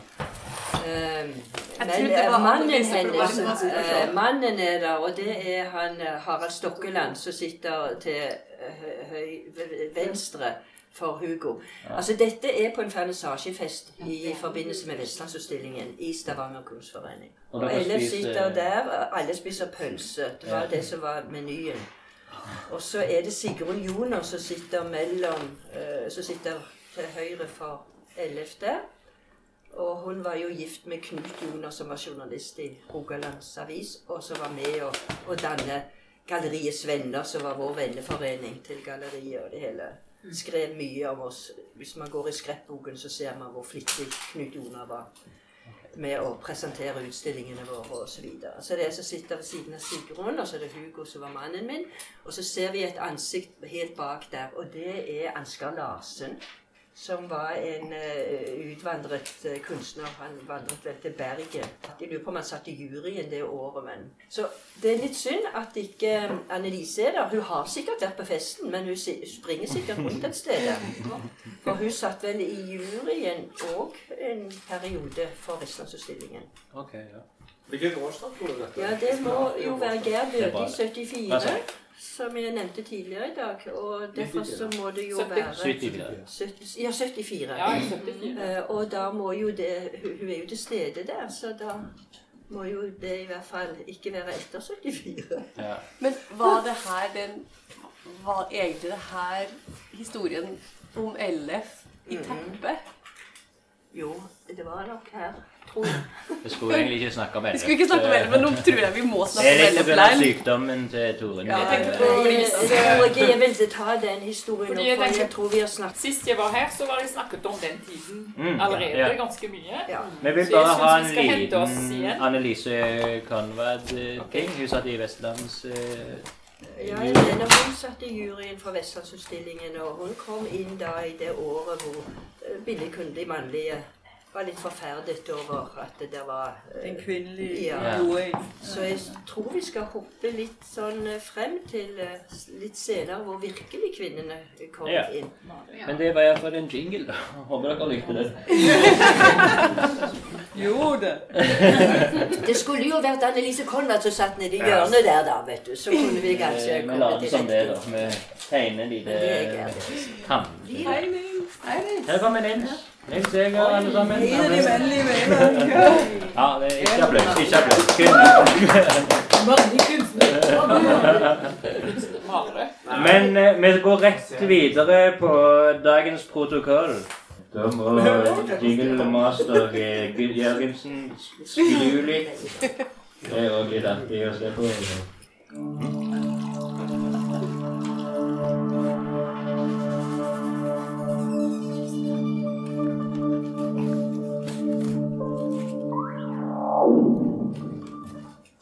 Dagens protokoll. Og da har Toren noe å spørre deg om, Susanne. Ja ehm, Hva var det nå det var? Ja? Jo, nei, det var egentlig flere ting. Men jeg tenkte kanskje det var når du og Odd ble utstillingsledere. Ledere. Odd Sama. Odd Sama. Kan vi ikke lige få det kule bildet opp igjen? Opp igjen med Ja. Før det så hadde jo utstillingsprogrammet vært bestemt av en kunstnerisk jury. Ja. Og så ble det en forsøksordning med utstillingsledere. Altså, så var vi jo kommet til 90-tallet. Mm. Og der var jo egentlig også kommet en helt ny generasjon. Og den vi kalte 90-tallsgenerationen. ikke? Så det var jo slett og rett et paradigmeskifte i kunsten. Altså vi andre, det vil sige Agnes og min generation, der havde sådan slåsset lidt for, at der var noget, der hed performance, der var noget, der hed video, der var noget, der hed andre medier. Det var jo som om man næsten Installation. installation, whatever. Så var det jo lidt sådan, øh, ikke det, der dominerede, for at sige det på den måde. Det var meget sådan de klassiske discipliner, og pludselig så fik man jo en... Altså jeg havde også i mellemtiden været i Danmark og gået på akademiet, så jeg var særs inspireret. Fandt man så ud af, altså, eller vi blev spurgt, Otte og jeg, om vi ville være udstillingsledere. Og jeg ringede jo til ham og sagde, at han måtte komme i aften, for han var jo den største feminist. Altså, Mm. Men han hører jo ikke så godt, og så han synes, det hørtes lidt slitsomt ud, så han, han øh, takkede pænt nej. Så nu må jeg prøve at, at fortælle, hvad det egentlig var, der skete, fordi det interessante var, at vi faktisk i den periode på de to år, fik hele det, man i Norge kalder, altså der blev 90-talsgenerationen. De udstillede her. Men det var jo ikke igen, hver gang jeg er involveret i noget, så er der jo altid en et eller andet ballade, ikke? Altså så, for at gøre en lang historie kort, så blev vi faktisk sat af bestillingen. Altså der var en udstilling, jeg husker vældig godt, øh, og det var en kunstner, som havde uddelt sukker, som han påstod, der var LSD i. Mm. Og øhm, han havde også trykt op nogle penge, og han havde i det hele taget gjort noget, man ikke må gøre. Men selvfølgelig var der jo ikke noget LSD, altså det var jo kunst det her. øh, så men det blev en kæmpe ballade, og det kom op på styreplan, øh, altså i styret, og det gentog sig faktisk op til flere gange. Så til sidst, så blev vi fyret. Og det synes vi egentlig var en godot, altså vi synes egentlig, wow, altså så har vi virkelig fået det til. Ikke? Og når vi ser det retrospektivt, altså, så har vi så satte vi faktisk hele den generation på kortet herover. Mm. Ellers så havde de aldrig været her. Denne LSD-utstillingen, når vi kikket igjennom i uklippsbøkene, så var det jo sånn ti sider som bare var sånn, sånn Ja, den- den- Rogalandsavis, Aftenbladet, som har sagt Hva er dette? Hvordan kan de gjøre det? Og, LSD-kunst. Og der, liksom, ja, ja, og der kom uh, altså Trond Borgen jo, som jo øh, egentlig sådan havde et ry for at at være en hård kritiker, ikke, kan man Mm. sige. Men der benyttede han så sin pen mere kulturpolitisk, og tog Okay. Otte og jeg i forsvar. Ja, og, nej, men altså, Hello. han mente i den forstand, det husker jeg vældig godt nemlig, han mente, det gik jo ikke ud, at, at det gik ikke an for en institution at invitere en kunstner, og så bagefter, så var det et styre, der mente, det var, ikke var kunst, og at det var kriminelt. Ikke? Ja. Altså, man måtte jo bakke op de kunstnere, man havde inviteret, og så Mm. kunne man lade offentligheden og andre, øh, ja, den blev jo noget misforstået, må man sige. Men det var vel ikke dryppa alle steder på det LSD-papiret? Der var ikke noget, alt var jo fake. Ja, ja. Mm. Ja. ja. Jeg syns eh, det er veldig interessant, fordi det skjedde på 90-tallet, det. Mm.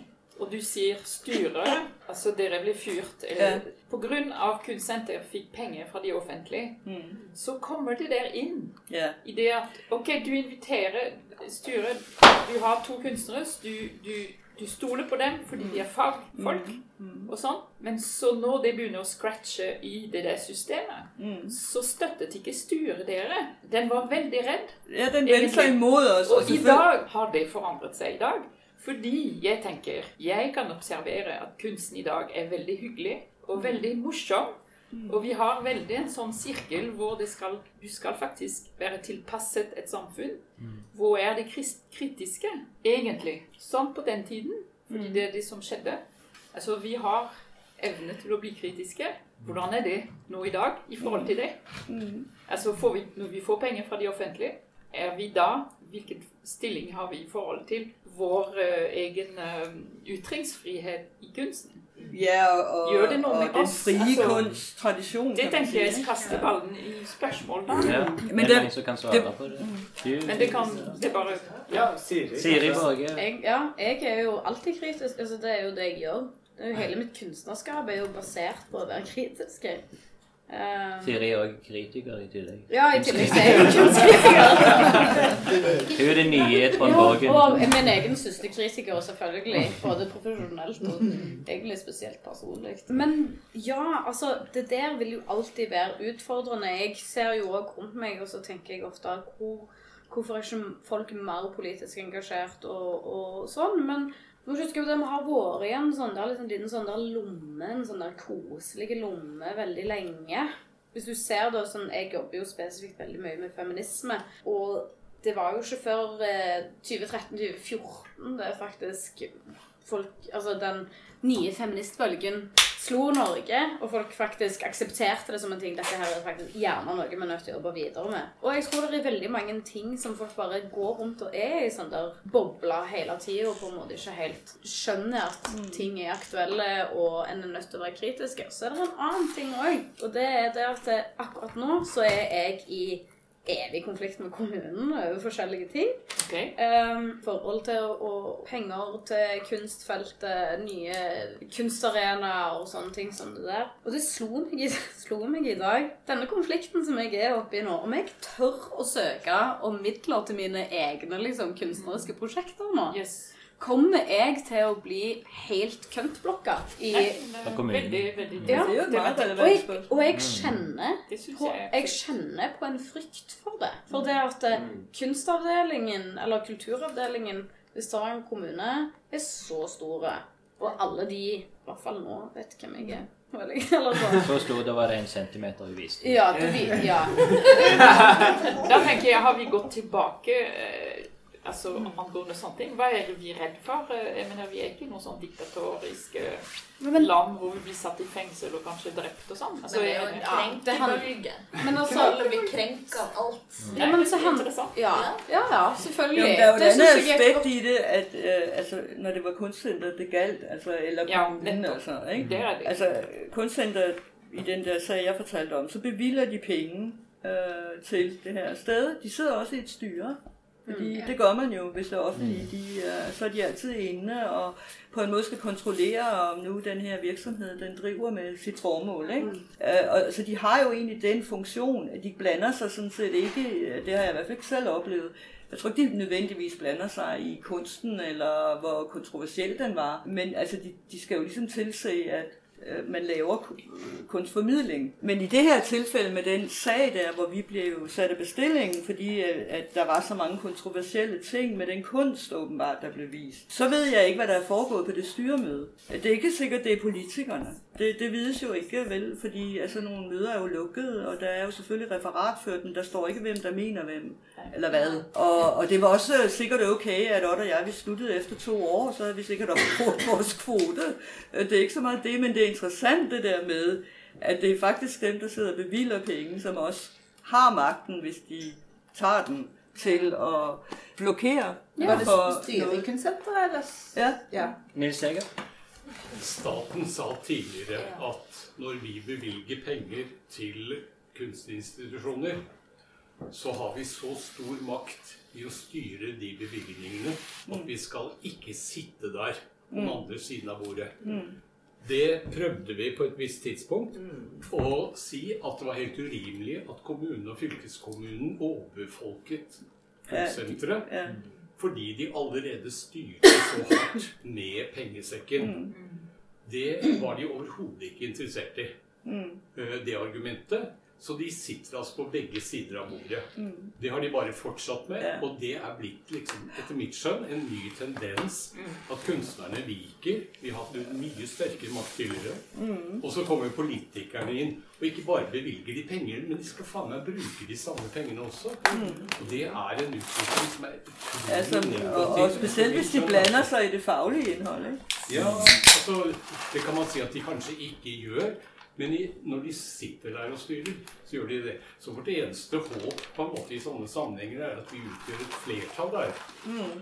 Og, og at vi danner en motvekt når vi sitter og mottar de pengene. Det er veldig viktig. Ja. Siri? Eh, nei, altså disse tingene er er jo det at eh, frykt som det der vil jo alltid på en måte bli styrt. Eh, vil òg styre kunsten, enten en vil det eller ikke, uansett hvor veldig klar en er over det eller ikke. Så jeg tenker at det eneste måten for virkelig fri kunst på, vil jo være økonomisk uavhengig av stat og alt, liksom. Det, that's it. En har media mot seg, en har kommunen mot seg, en har politikerne mot seg. Ofte òg til en egen familie. Eller sånn, det er bare sånn Det er veldig mye, da. Og så sitter du der og tar imot med den ene hånda, og så tar du og skyver vekk med den andre hånda. Så det er noe litt sånn der hyklerisk òg, føler jeg. Jeg kritiserer det samme systemet som jeg lever på. Ja, det er det. Sant? Jeg gjør det. Så jeg er en hykler.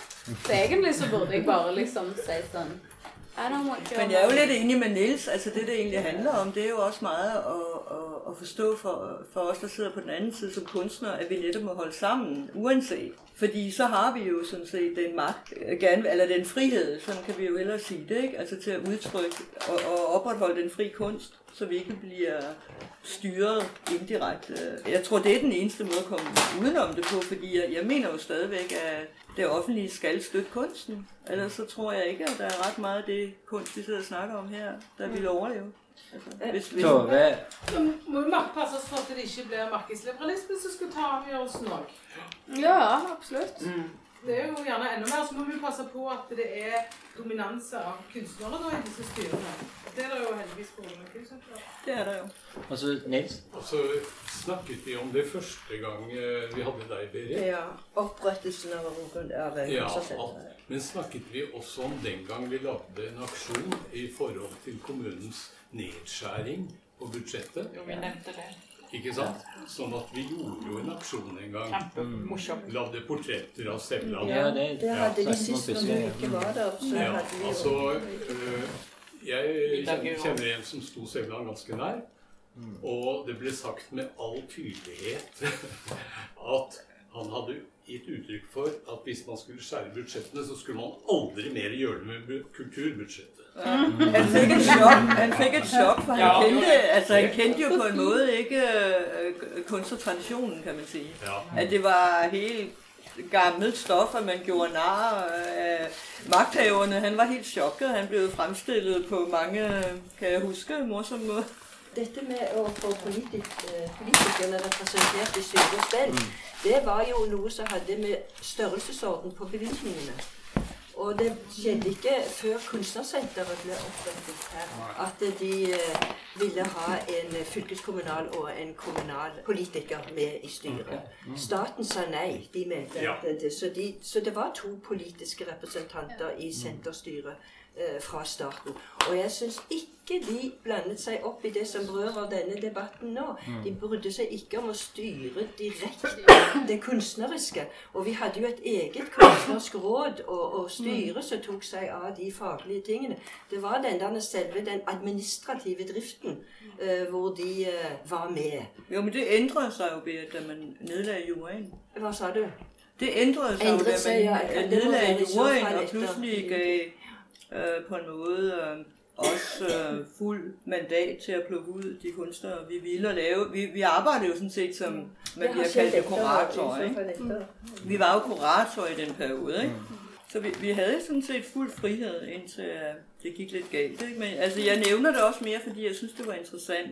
Mm. Fordi det, der skete, det positive ved det var, at pludselig så var det jo helt en ny øh, type kunst, som hadde haft veldig trange kår for å komme inn her. Så plutselig var det ikke så vanskelig med performance, det var ikke så vanskelig med video, det var ikke så vanskelig med politisk kunst og så videre. Ikke? Det var kommet for å blive. Det hadde ikke noe med oss å gjøre. Det var tiden. Altså, vi, vi bare tog det, tog det opp. Så, så det var egentlig det, som var veldig positivt, synes jeg. Jeg tenker på det du sa, Siri. øh, Jeg syns det var litt sterkt å høre. Fordi jeg syns pendelen den går sånn. Hvis det blir for mye av noe, så på en måte kveler det seg selv. Mm. Så eh, blir, eh, som du nevnte veldig godt, eh, ikke sant, det andre veien, det er jo markedsmakten. Jeg tror, hvis jeg kjenner inni meg selv, jeg skal egentlig kjenne etter, og så gjøre det jeg syns er viktig som kunstner, jeg skal gjøre. Mm. Så skal jeg finne de pengene når jeg trenger dem. Jeg er veldig takknemlig for det systemet som ble bygget opp her i Norge, fordi det er ikke sånn heller i, i Frankrike. Og den gir da den muligheten, frem til ganske nylig i hvert fall. Altså et samfunn som vil gjerne fungere, den trenger de kritiske stemmene. Og da snakker jeg ikke bare kunst om politisk kunst, jeg snakker om kunst generelt. Det vi har fått utviklet etter hvert gjennom flere generasjoner. Og de statlige pengene, hvis det er en oppegående system, så den investerer i det samfunnet trenger. Det å få de der kunstneres stemmer som er menneskelige stemmer. Hvordan det kommer ut. Jeg har sensurert meg selv for å kunne overleve i et samfunn. Fordi jeg, jeg har ikke lyst til å være sånn tulling som Jeg er jo allerede litt der borte i fjorden, ikke sant? Det er ikke så farlig å bo der. Det er ingen, ingen som sier imot meg, ikke sant? Så stikker det jo frem hodet av og til. Men, men vårt system her, det, det pendler hele tiden. Det beveger seg. Mot det- eller mot dette. Og så det er opp til oss. Og selvsensur tror jeg vi skal kjenne etter.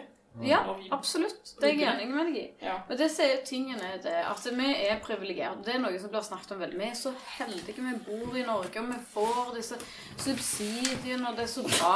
Vi kan si hva vi vil. Og, så. og helt enig i det.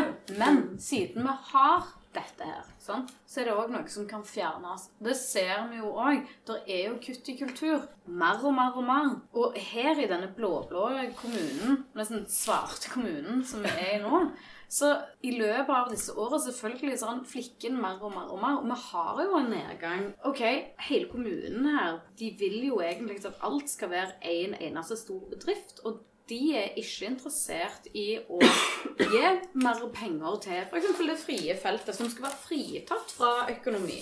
Liksom kunstnerisk næring. Fint, Ja. fint det. Liksom, det må dere sørge for sjøl. Men kulturell kapital har ingen verdi lenger. Sant? Så vi sitter der, da. Og er avhengige av vår liksom, levesett, da, hvis jeg kan si det. Og da blir en jo stressa. Men det er jo kapitalismen som gjør at vi kan ha det sånn, men som òg kan strupe oss. Men det er jo et endnu god grunn til å holde sammen. Det er den eneste Yes. måten man kan overleve på. Absolutt. Altså, fordi det svinger, sånn som Agne sier, det svinger hele tiden frem og tilbake. Men- altså, men og nå er vi i sånn en periode, ikke? Ja, men se hva som skjedde med Barbara Hepworth, da. Grunnen til at vi solgte, handla om økonomien. Og så er jeg med for at eh, dette her handler om hele kunst, kunst, kunstfeltet.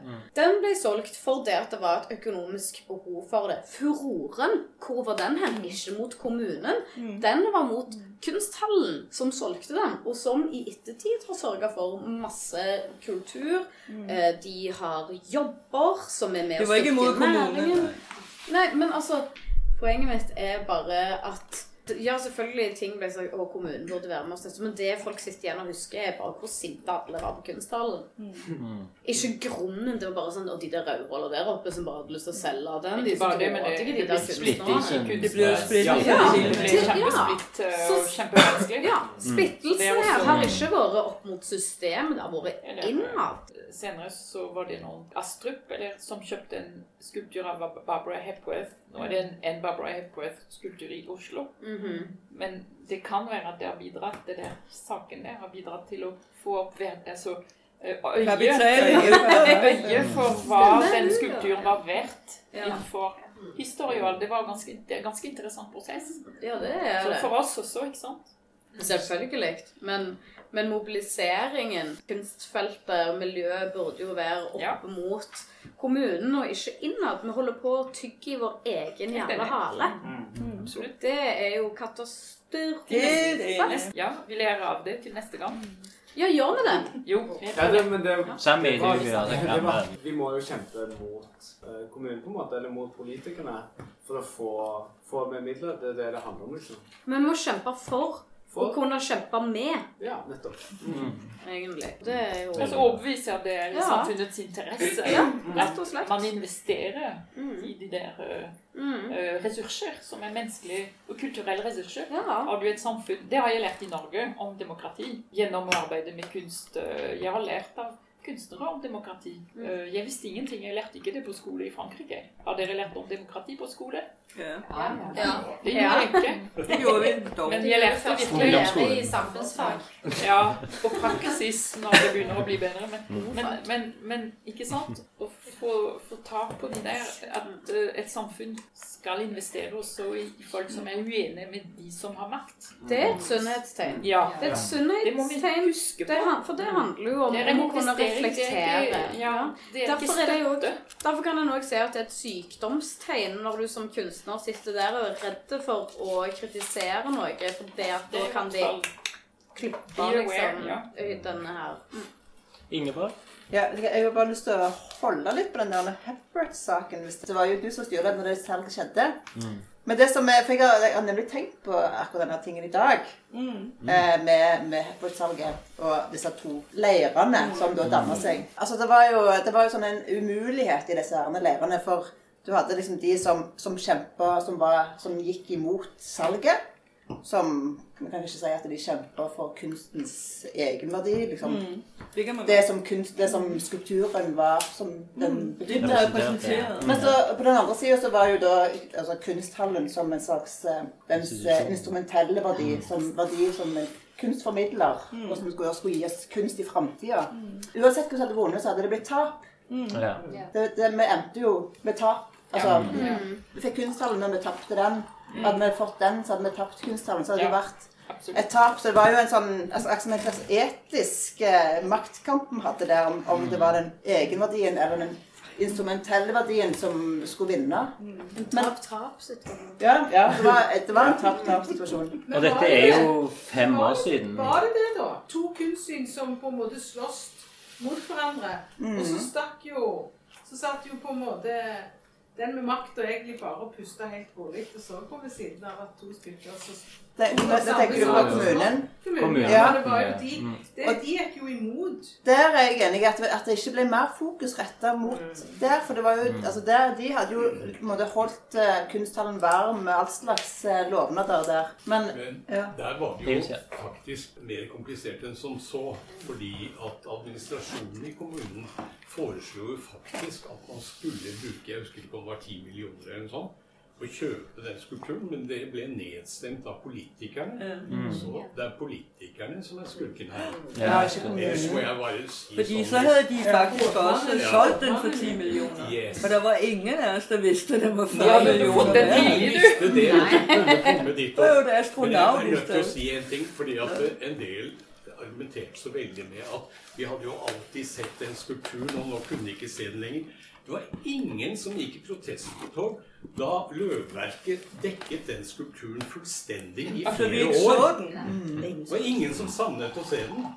Så jeg syns liksom at en del argumentasjon i forhold til det der var helt vanvittig tåpelig. Altså. Jeg jobbet der oppe i en periode. Jeg så alle som, som dukka under Løvverket fordi at de ville så gjerne se den hver dag. Jeg måtte liksom be Park og idrett om de kunne være så snille og så klippe rundt det. Men de hadde noen fredede trær der, så det var veldige diskusjoner om de kunne. Jeg tenker, jeg tenker På nåtiden så er det jo viktigere at kunsthallen fortsetter sin virksomhet, enn at vi har den statuen. For den kan man jo på en måte søke opp. Man kan se den på nett, på en måte, i verste fall. Men jeg, altså, det er jo fem år siden dette skjedde, og det er ennå uro i miljøet. Det er jo Ja, det ja, det er det splittelsen. Det er den store Mm. splittelsen. Det er ikke, Ja, det, det begynner å lime seg litt. Det er mer ukomfortabelt nå. Mm. Ja, nå er det bare Nå er ukomfortabelt. det, jeg, da, tanken har allerede slått meg sånn Jeg lurer på om folk kommer til å slå av denne podkasten. Liksom. På den andre så bare, Å, herregud. Nå igjen. Men kan jeg bare sånn Tove, ja. For der sitter jo to stykker som har sittet i det styret, styret der òg, men jeg skal ikke gå inn i det, hele den. Jo, men, bare eh, det. er oss krangle. ok. La oss ta Men, men dette her med, som Ingeborg sa innledningsvis der, i forhold til at saken handler om bygg og forening eller ikke. Er ikke det nå et på agenda at uh, kunsthallen trenger midler fra kommunen for å støtte opp om bygget? Ikke det bare å gå tilbake igjen til den saken? Restaurering av bygget. Ja. Det var jo det vi Altså- skulle bruke pengene på. Det var jo hele utgangspunktet det at kunstnerne sto der og råtna på rot. Ikke sant vel? Mm. Så det så du sier, der, der kunne jo kommunen gått inn, og så kunne de gitt 10 millioner og så fått dette, redda dette bygget. Ja. Og så hadde de sånn. samtidig hatt denne her. Men de gjorde ingenting. De var gjorde, veldig, veldig passive. De gjorde hverken med driften eller bygningen. ingenting. ingenting. Og alternativet var jo i virkeligheten at, så er det blevet solgt til Rema 1000, ikke?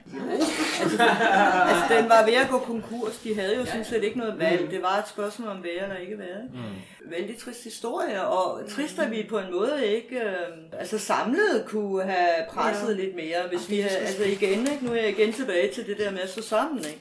Fordi vi- havde vi talt med en stemme, uanset om vi havde været uenige ja. om mm. nogle midler på vejen, ikke? Så er jeg sikker på, at vi måske havde fået det til. Men det var jo en tavshed omkring det her. Mm. Alt blev fokuseret over på, at styret blandt andet var øh, helt ved nogle forrædere. Ikke? Ja, det eneste, vi sagde, det var, at vi beklagede salget, men støttede kunsthallen. Ikke? Det var så diplomatisk, at jeg næsten havde problemer med det. Men det var faktisk det, vi skrev. Ikke? Plus, så kom alle de andre. Altså, vi blev delt i, i foreningen Mm. mm. på grund af det. Ikke? Og det var rigtig ærgerligt. Fordi vi skulle jo have kørt det kulturpolitisk. Mm-hmm. Altså, hvor blev de af i den kommune? Ja. Der var jo ikke nogen af os, der ville noget af det. Hverken vi av af med skulpturen, eller have, øh, hvad hedder det, kunstforeningen lukket. Og vi vil også gerne have bygget renoveret, og dette har de snakket om siden begyndelsen af 90-tallet, kan vi jo sige, også der er lidt ældre, ikke? Og de har ikke gjort noget. Så det er jo rådnet nedefra, og det er en værneværdig bygning jo i virkeligheden. Men, men nå er jo den solgt, og de midlene som er blitt frigjort der, da skal de gå til oppussing av bygget, eller skal kommunen eh, gjøre det? Hvem kan svare? Eh, det er jo de ikke går vel- De går vel på driften, tror jeg. Det Ja. Altså, hva for noen penger, penge, siger du? Det er vel noen igjen der, ja. Altså, hva for noen penger? Det må jo være noe av 44 millioner igjen til både å gjøre det ene og det andre. det tror jeg, det tror jeg. Men det kan vi sikkert ta neste gang. Ja, men altså, det var jo mye frivillig arbeid, mener jeg, da når de skulle pusse opp. Selv om de hadde fått solgt, så var det et et dugnadsarbeid uten like. Jo, men det er, stadig, noen er stadigvæk fundament, altså, Ja, ja, men fundament, det, altså, det er tror jeg, akkurat det kan vi ikke snakke om i kveld. om. Det er nok for uh, kunsthall. Det er jo en interessant, tid, eh, nei, interessant ting dette her, at det den første året etter at den var solgt, og de hadde fått disse pengene inn, så eh, fikk de jo faktisk fra staten en bevilgning som var ganske fenomenal. Jeg tror han var oppe i en million til driftsstøtte. Mye. Jaha. Og det er det ingen her borte i Rogaland eller Stavanger som har fått en sånn en stor bevilgning. Ja. Så det Ja, ja. Nå. Men de sliter litt i dag. Ja. Jeg tror vi går over til noe mer hyggelig, og det er spørsmål fra hatten. For nå har vi fått spørsmål i hatten, ser jeg, og da er det, skal vi ta et par av de. Yes. Min hatt, den trenger lapper, og lapper skal trekkes ut.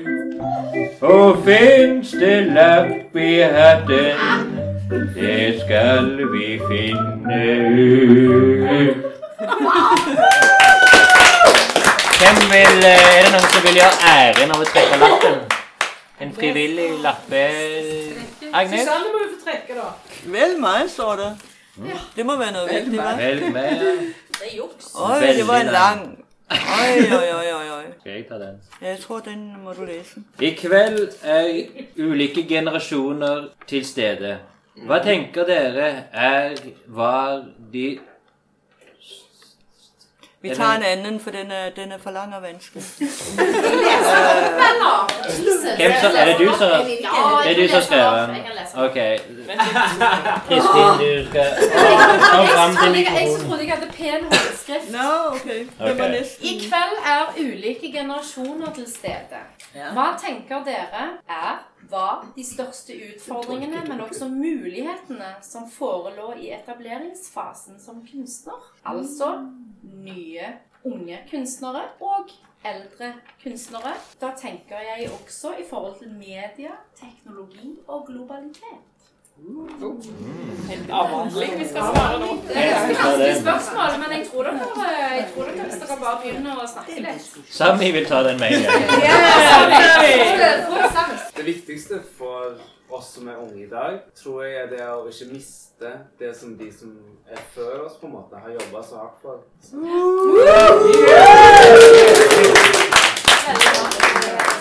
en ekte feminist. Men, Det var en men hvis vi tenker på, på en måte den, liksom, den daglige praksisen eh, Mm. som kunstner, så har jo du helt andre muligheter i dag enn f.eks. Eh, Susanne hadde den gangen. Tenker du eksponering og plattformer? Tenk, nei, snakker, nå snakker jeg ikke om plattformer, men nå snakker jeg om, om, om på en måte det at vi har, vi har et mediebilde som er helt annerledes. Mm. Og vi har en del muligheter. Men det er òg en del begrensninger. Jeg, føler jeg, føler nå er ting mer profesjonalisert. Man må gå på skole for å liksom få til noe. Så, så det er liksom det som er kanskje utfordringen, at man må, man må ha gått på skole. Eller da Instagram. Eller via Instagram. Jo, men det er sånne ting som jeg syns er litt fascinerende, da. Men Instagram er jo umulig. Du lærer jo ikke noe der. Så man må, jo, man må jo kunne ting på forhånd, på en måte. Det er det det handler om, liksom. Jeg har jo eh, godt etablerte voksne Nei, jeg har ikke lyst til å si person, men, eh, men, men folk som har sagt det at eh, har du gått Har du den bacheloren, har du den masteren, er du ekte kunstner, er du ikke ekte kunstner? Mm. Som faktisk eh, Jeg har sagt det mange ganger. Ja. ja, ja. Men eh, når jeg gikk på kunstskole og fikk beskjed om at jeg kunne ikke være lærling hos div kunstnere i Mm. Stavanger, Mm. fordi de var ikke ekte kunstnere. Mm. Fordi de hadde ikke den bachelor eller den masteren. Mm. Da kjente jeg på det at det var veldig urettferdig. Ja. Overfor de det var snakk om. Men eh, historien er full av historier uh, om kunstnere som har laget veldig viktig kunst uh, uten å ha utdannelse. Så det er ikke noe fasit på de der tingene. Men vi holder på med et fag, så hvis selvfølgelig hvis hver av oss er interessert i å utdanne seg og lære mer, og alt det der, det er fritt fram. Ja, ja. Men det behøver ikke å hindre at du kan også gjøre en kunst som er interessant. Mm. Fordi det kommer av og til helt fra venstre. Vi venter. altså helt uform. Så det er også sånn det er. Så det er derfor det er litt fascinerende i det yrket vårt. Absolutt. Det er ikke noe trygg. Jeg tenker jo i forhold til f.eks. det å eh, For som kunstner så ønsker du å nå ut med et budskap. Du ønsker å nå ut med kunsten din. Du gjør jo det på et eller annet vis. Mm. Du, du ønsker iallfall å nå ut med kunsten din til noen eller noe, eller ja. Eh, og da tenker jeg spesielt i forhold til dette her med, med å bli synlig, på en måte. Å nå et publikum. Hvem er publikum? Det er jo litt interessant. Er det, er det det å treffe Ja, men er det det, Ja, å- men er det, det å kan svare på treffe et, Ja, et publikum svare. som, som meg, for eksempel, som ikke er kunstner, sånn at jeg skal få oppleve kunst? Eller er det det å, å komme inn i en eller annen samling på et museum og, og på den måten nå et publikum? Altså, et, Da er vi jo litt inne på det som du snakket om tidligere, med den balansen mellom kommersialisering og som Siri nevnte, med den frie kunsten. Susanne vil svare på det. Ja, jeg synes det er Ja, fordi det er jo aldri sånn man blir undervist på et akademi. Du tenker ikke kommersialisering, du tenker ikke øh, salg, du tenker. Jamen, det er veldig viktig, ikke? Nei, det gjør man ikke. Så er det ikke siden, at ikke jeg har studeret der. Jeg, har, jeg kender også noen der lige har gjort det, ikke? Altså, det er jo ikke sådan noget, man sidder og bliver skoleret i. Nej. Fordi det har ikke noget med kunst at gøre i virkeligheden. Altså, øh, og jeg tror jo også, og det er jo fordi, vi lever i den tid, vi gør. Jeres generation er vældig optaget af at blive set hele vejen. Ikke? Altså, og det forstår man jo, fordi det er jo en del af hele vores samfund og sociale medier, og det kan vi ikke helt komme udenom. Men jeg tror, det er vældig, vældig vigtigt, at man har en eller anden øh, bevidst holdning til det, at den der selvpromovering, øh, som jo de sociale medier lægger op til og er meningen med, stort set, hvis man bruger det fagligt i hvert fald. Ikke? Altså, den kan man jo godt gennemskue. Altså, nu har vi haft det så mange år, og man sidder ligesom og... Man gør bare sådan der Mm. lynhurtigt, hvis det ligger... Altså, man skal ligge et eller andet sted i en balance, Ja. fordi ellers så bliver, bliver man kvalm. Altså af det der selvpromovering der, ikke? Og så på den anden side, så kan man jo heller ikke komme udenom det. Nej. Så, Nei, du, og det var akkurat det som du sier. så det synes jeg er en utfordring udfordring, hvordan man... Øh, fordi jeg vil endnu en gang slå et slag for solidariteten heller. Jeg vil slå et meget større slag for at være kollegial, hjælpe hinanden. Jeg har lige været inde og se Sonja Ferlov, øh, Mankoba, som var en stor kvindelig øh, kunstner, der døde i 84. Og hun er international worldwide. Ikke? Hun snakkede bare hele tiden om alle kollegaerne. Hvordan man hjalp hinanden. Hvordan man støttede hinanden. Øh, hvordan hun i, i øh, 15-20 år arbejdede på et lille bitte rum med de her øh, skulpturer. Og der var ikke en fuck, der gad at se på dem, indtil der pludselig kom nogen. Ikke? Altså, det, det er meget svært at forestille sig i dag overhovedet skulle ske. Ikke? Men, men det var ikke så unormalt bare for nogle år tilbage. Ikke? Altså ikke, at man skal tilbage til det der med kunstneren, der sidder og sulter på et loftsrum.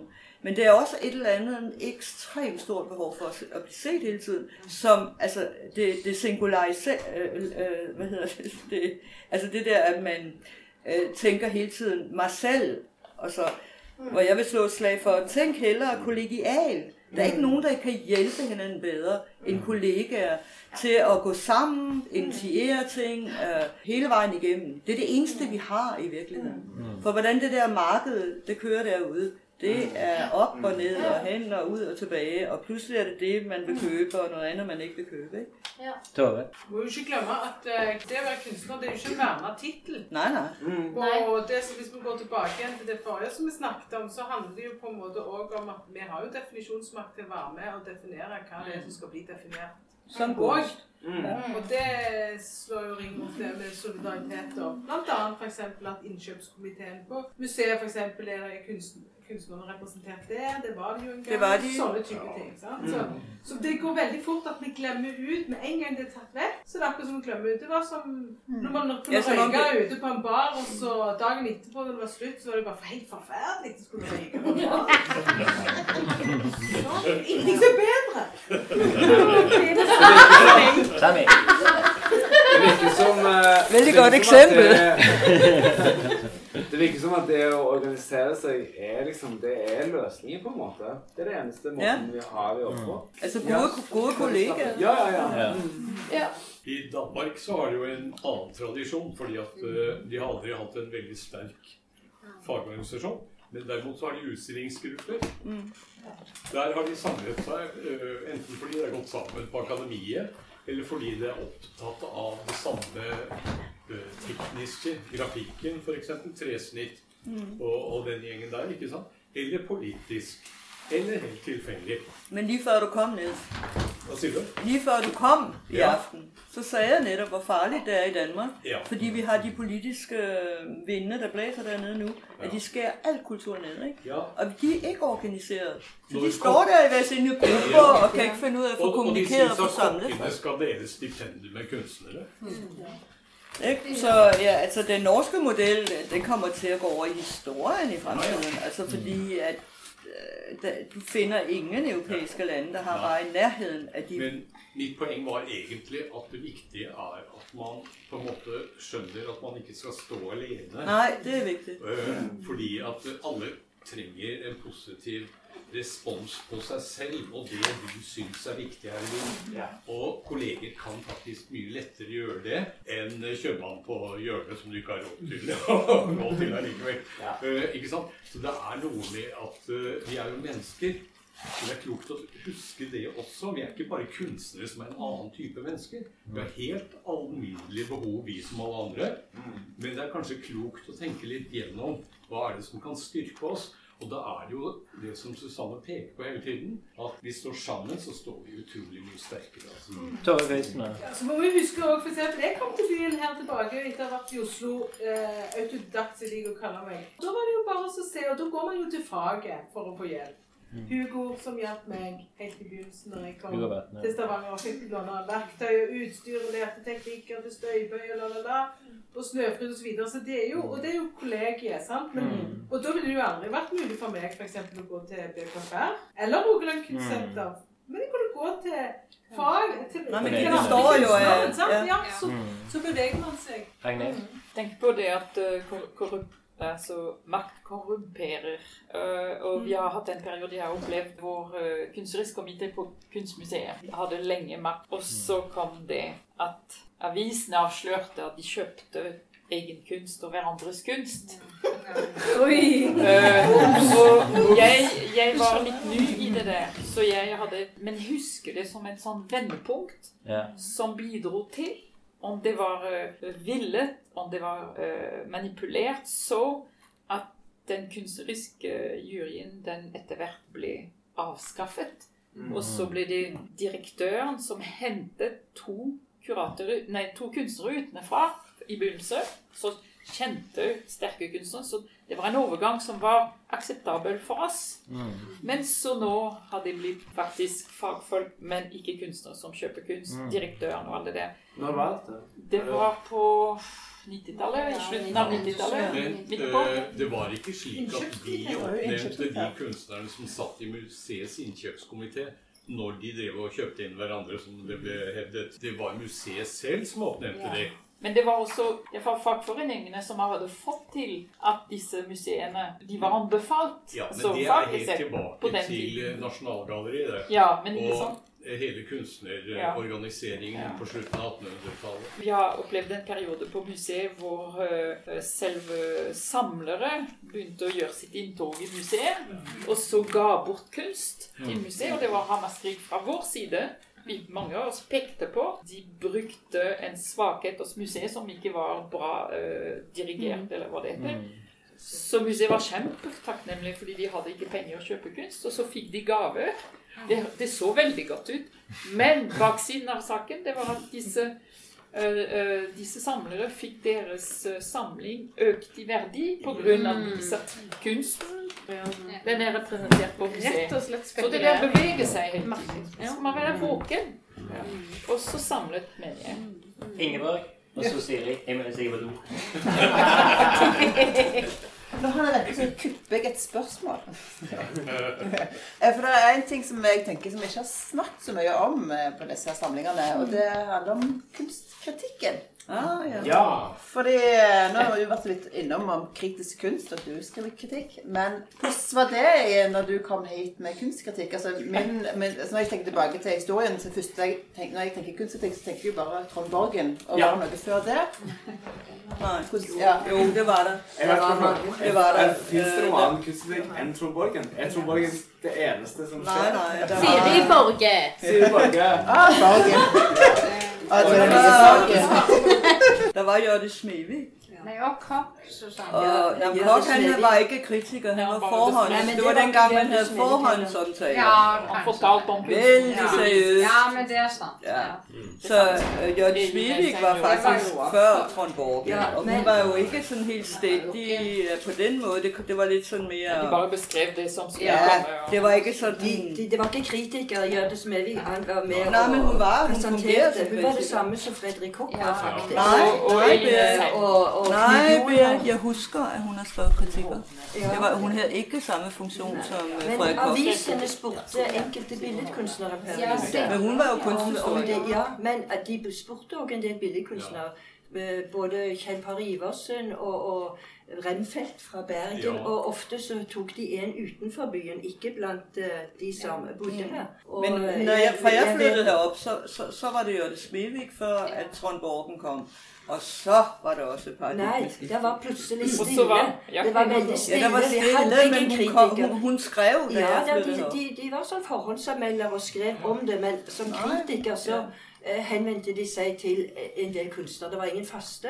Nei, det var ingen fest. Og så, Og så var kom det, han. så var det faktisk at de Bildene Kunstners Forening henvendte seg til avisen og Mm. etterlyste at de burde ha en kritiker. Og, og vi kom faktisk òg med et forslag den gangen. Vi kom med forslag om Trond Borge. Det var eh, styrevedtak i BKFR, Mm. og, og da hadde kanskje Trond Borge nok Han var veldig flittig bruker av det allerede som lærer, hvor han kom med klassene og, og var veldig opptatt av stedet. Men var han kunstkritiker på det Nei, Nei, nei, nei. han skrev i Haugesunds Avis Ja. fordi han jobbet der borte. Og, og der underviste han òg Ja. i Nordfylket. Men altså, lang Og så var det- kort, så var han men, jo- Men de, den innflytelsen som Bildende Kunstnerforening hadde da, da de gikk til avisen og sa at vi vil ha en kritiker og, og så ble Trond Borgen oppnevnt som fast kritiker. De andre var sånn mer periodisk og alt Ja, det er helt rigtigt. Han var jo ikke mer fast, enn han, øh, han var frilansknyttet, og han leverte, men de trykte det. Ikke? Altså, Ja, han- så kom Sigrid, Sigrun Hoppe. Ja, men det var langt senere. Ikke? Ja, det var Så vi, vi levde jo faktisk i 20 år med ham, som ene stemme og yes. Og jeg husker, da du var formand. Han ble ansatt og var der til han ble pensjonist. Jo, men han havde sådan en... Altså, jeg kan huske, i hvert fall da du sad i styret på et eller annet tidspunkt i... det går jeg. Ja, jeg kan ikke lige huske, hvad årstal det var, men så øh, tog I kontakt med øh, Stavanger Aftenbladets redaktion, kulturredaktionen, øh, for at høre, om man ikke kunne få to kritikere. Ja. Fordi at der var jo ikke noget galt i sig selv med Trond Borgen, men det, der var galt, var, at han var den eneste stemme. Dominerende. Så han farvede jo en hel generation. Altså. Og det er jo lidt farligt, kan man sige. Ikke? Men de hadde jo en annen, altså han øh, lyrikeren. Han skrev jo Nå, ja, ham, Han skrev i nogle år. Helge. Helge Torben. Ja, Det. Skriver faktisk litt så var der jo en del af os, der, der mente, ja, det ville ta så ud, hvis en billedkunstner pludselig skulle skrive kritik i vinduet. I... Det Nå, nok jeg. Det synes vi var lidt Hva med han eh, som skrev om musikk, eh, hva heter han, filosofen? Arnfinn. Ja, skrev han om litt kritikk om kunst? Nei, men det var Torben. Helge, Helge Torben skrev innimellom. Vi er inne på det første spørsmålet. eller? Ja, ja eller det ble et muntlig. Jeg jo syns vi skal ta en ny lapp, jeg. Ja. Ja, der står, uh, Susanne, hva er det viktigste du gjorde i din tid i VKFR, Mm. og hva ville du oppnå i din tid? Øh, hvad var viktig. Mm. Ja, kan du svare på dette spørsmålet? Yeah. Tikk-takk. Tikk-takk. Vil du ringe en venn? Nej. Jeg skal, jeg, altså hvis man skal svare det veldig kort, så må man jo prøve å Nei, nei, du kan ta en Nei, men det var, altså det, altså det er det, vi snakkede om i begynnelsen. ikke? Altså det var jo det, at der var ikke riktig plass for andre uttrykk enn de traditionelle discipliner, og der var heller ikke rett mange kvinner i spil. Det var nok det, der drev meg til å engagere meg. så det er ret, øh, for å være med til å skabe alt det, jeg savnet. Mm. Jeg savnet det jo slett og rett. Det var jo mangel. Hva jobber du for nå, på en måte? Nu? Mm. Uh, ikke for andet end mig I selv. Aarhus. Altså. altså, jeg er jo flyttet, jeg bor her ikke mere. Mm, ja, ja, det er klart. Ja, ja, det, det er jeg forstået. Og jeg er gammel, ikke? Altså, i betydning af, at uh, nu er det faren nok. Altså, jeg gider ikke at... altså, jeg, jeg har... Det er faren, det er faren, Ja. Ja. Nej, men det er et andet... Nej, men det, det, det vil jeg gerne afslutte med, faktisk. Mm. Fordi Ja. at, øh, jeg er rigtig, rigtig glad for, at jeg har brugt så stor min liv, eller mit liv på, ikke bare at jobbe for mig selv. Mm. Jeg har jobbet for en hel masse kunstnere og et, et miljø, altså, Mm. kan man sige. Ikke? Ja. Og det er jo egentlig det, jeg har. øh, Jeg har selvfølgelig også jobbet som kunstner, og det gør jeg stadigvæk. Men det er faktisk det, jeg har brugt største af min, af min tid på. Mm. Og det blev jo bare sådan, fordi at jeg manglede alle de der ting. Og det måtte jo kunne lade sig gøre, og det gjorde det jo også, selvom Mm. jeg gik rigtig meget tid med det. Og det er sikkert derfor, jeg slår et stort slag for solidaritet i aften. Ikke? Mm. Fordi det har også i perioder været et totalt fravær. Ja. Specielt med en nyere generation. Mm. Altså, what's in it Ja. for me? Det er ligesom religionen, ikke? Ja, ja, ja. Altså, hvor man overhovedet ikke tænker på, at alt det, der er skabt, øh, også før mig, definitely. Mm. Altså, Beate er Veldig også været- bra, Susanne. Ja, altså det er nogen, Og med de ordene må vi egentlig avslutte. Men, men øh, to til vil snakke. Ja, nei, jeg Skal vi ikke ta Kristin har, alle eh, sammen? Kristin har snak- Nei, men det som Susanne var inne på nå, uh, syns jeg er utrolig flott å høre. Mm. Det var du òg inne på, tror jeg, Berit. eh, Jeg tror det var du som nevnte det på forrige Lunken rødvin. Eh, og, som jeg ble veldig fascinert av når du fortalte meg at dere hadde vært veldig nære, eh, enten det var folk som jobbet i teater eller innen musikk, eller billedkunstnere eller forfattere, og at det var en, en form for en årlig kulturfest eh, hvor alle var samla. Var det du, var det du Berit, som nevnte det? Eller var det ja, jeg, jeg tror nok at jeg har nevnt at kunstnerne var inne på tanken. Og det var da de òg ville danne et kunstnerisk råd, hvor Ja. både forfatterne og musikerne og, og billedkunstnerne og alle For å få litt mer sånn innflytelse på fagområdet. Mm. Og da står man sterkere når man er flere. Ja. Og det har både med alt som er blitt sagt her, både det kunstnerske og ytringsfriheten og det organisatoriske siden av det. og Men uh, Vi hadde jo et veldig bra samarbeid i Spekulumfestivalen. Ja, den var- Ja, ja. Det skal vi egentlig snakke om i dag. Ja. Det har gått Da snakker vi om nå. Nei, vi tar det neste gang. Vi har, kommet eh, jeg- har veldig lyst til å- si- Ja, men det var jo kvinnernes aften i aften. Hvorfor vi ikke komme inn på det?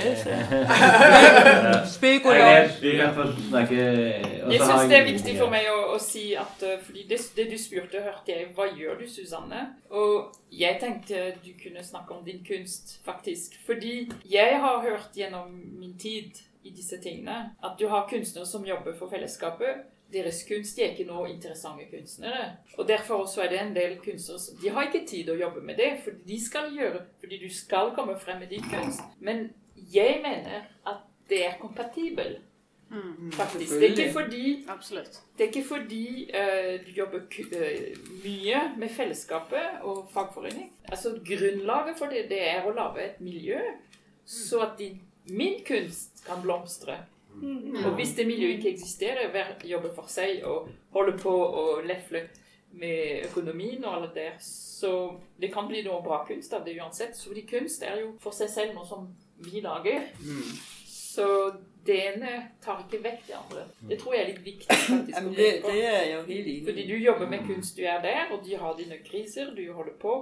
Når du ikke jobber med for andre, så du må også treffe hva gjør jeg nå, og så du faller tilbake. Nå kan du lage kunst også.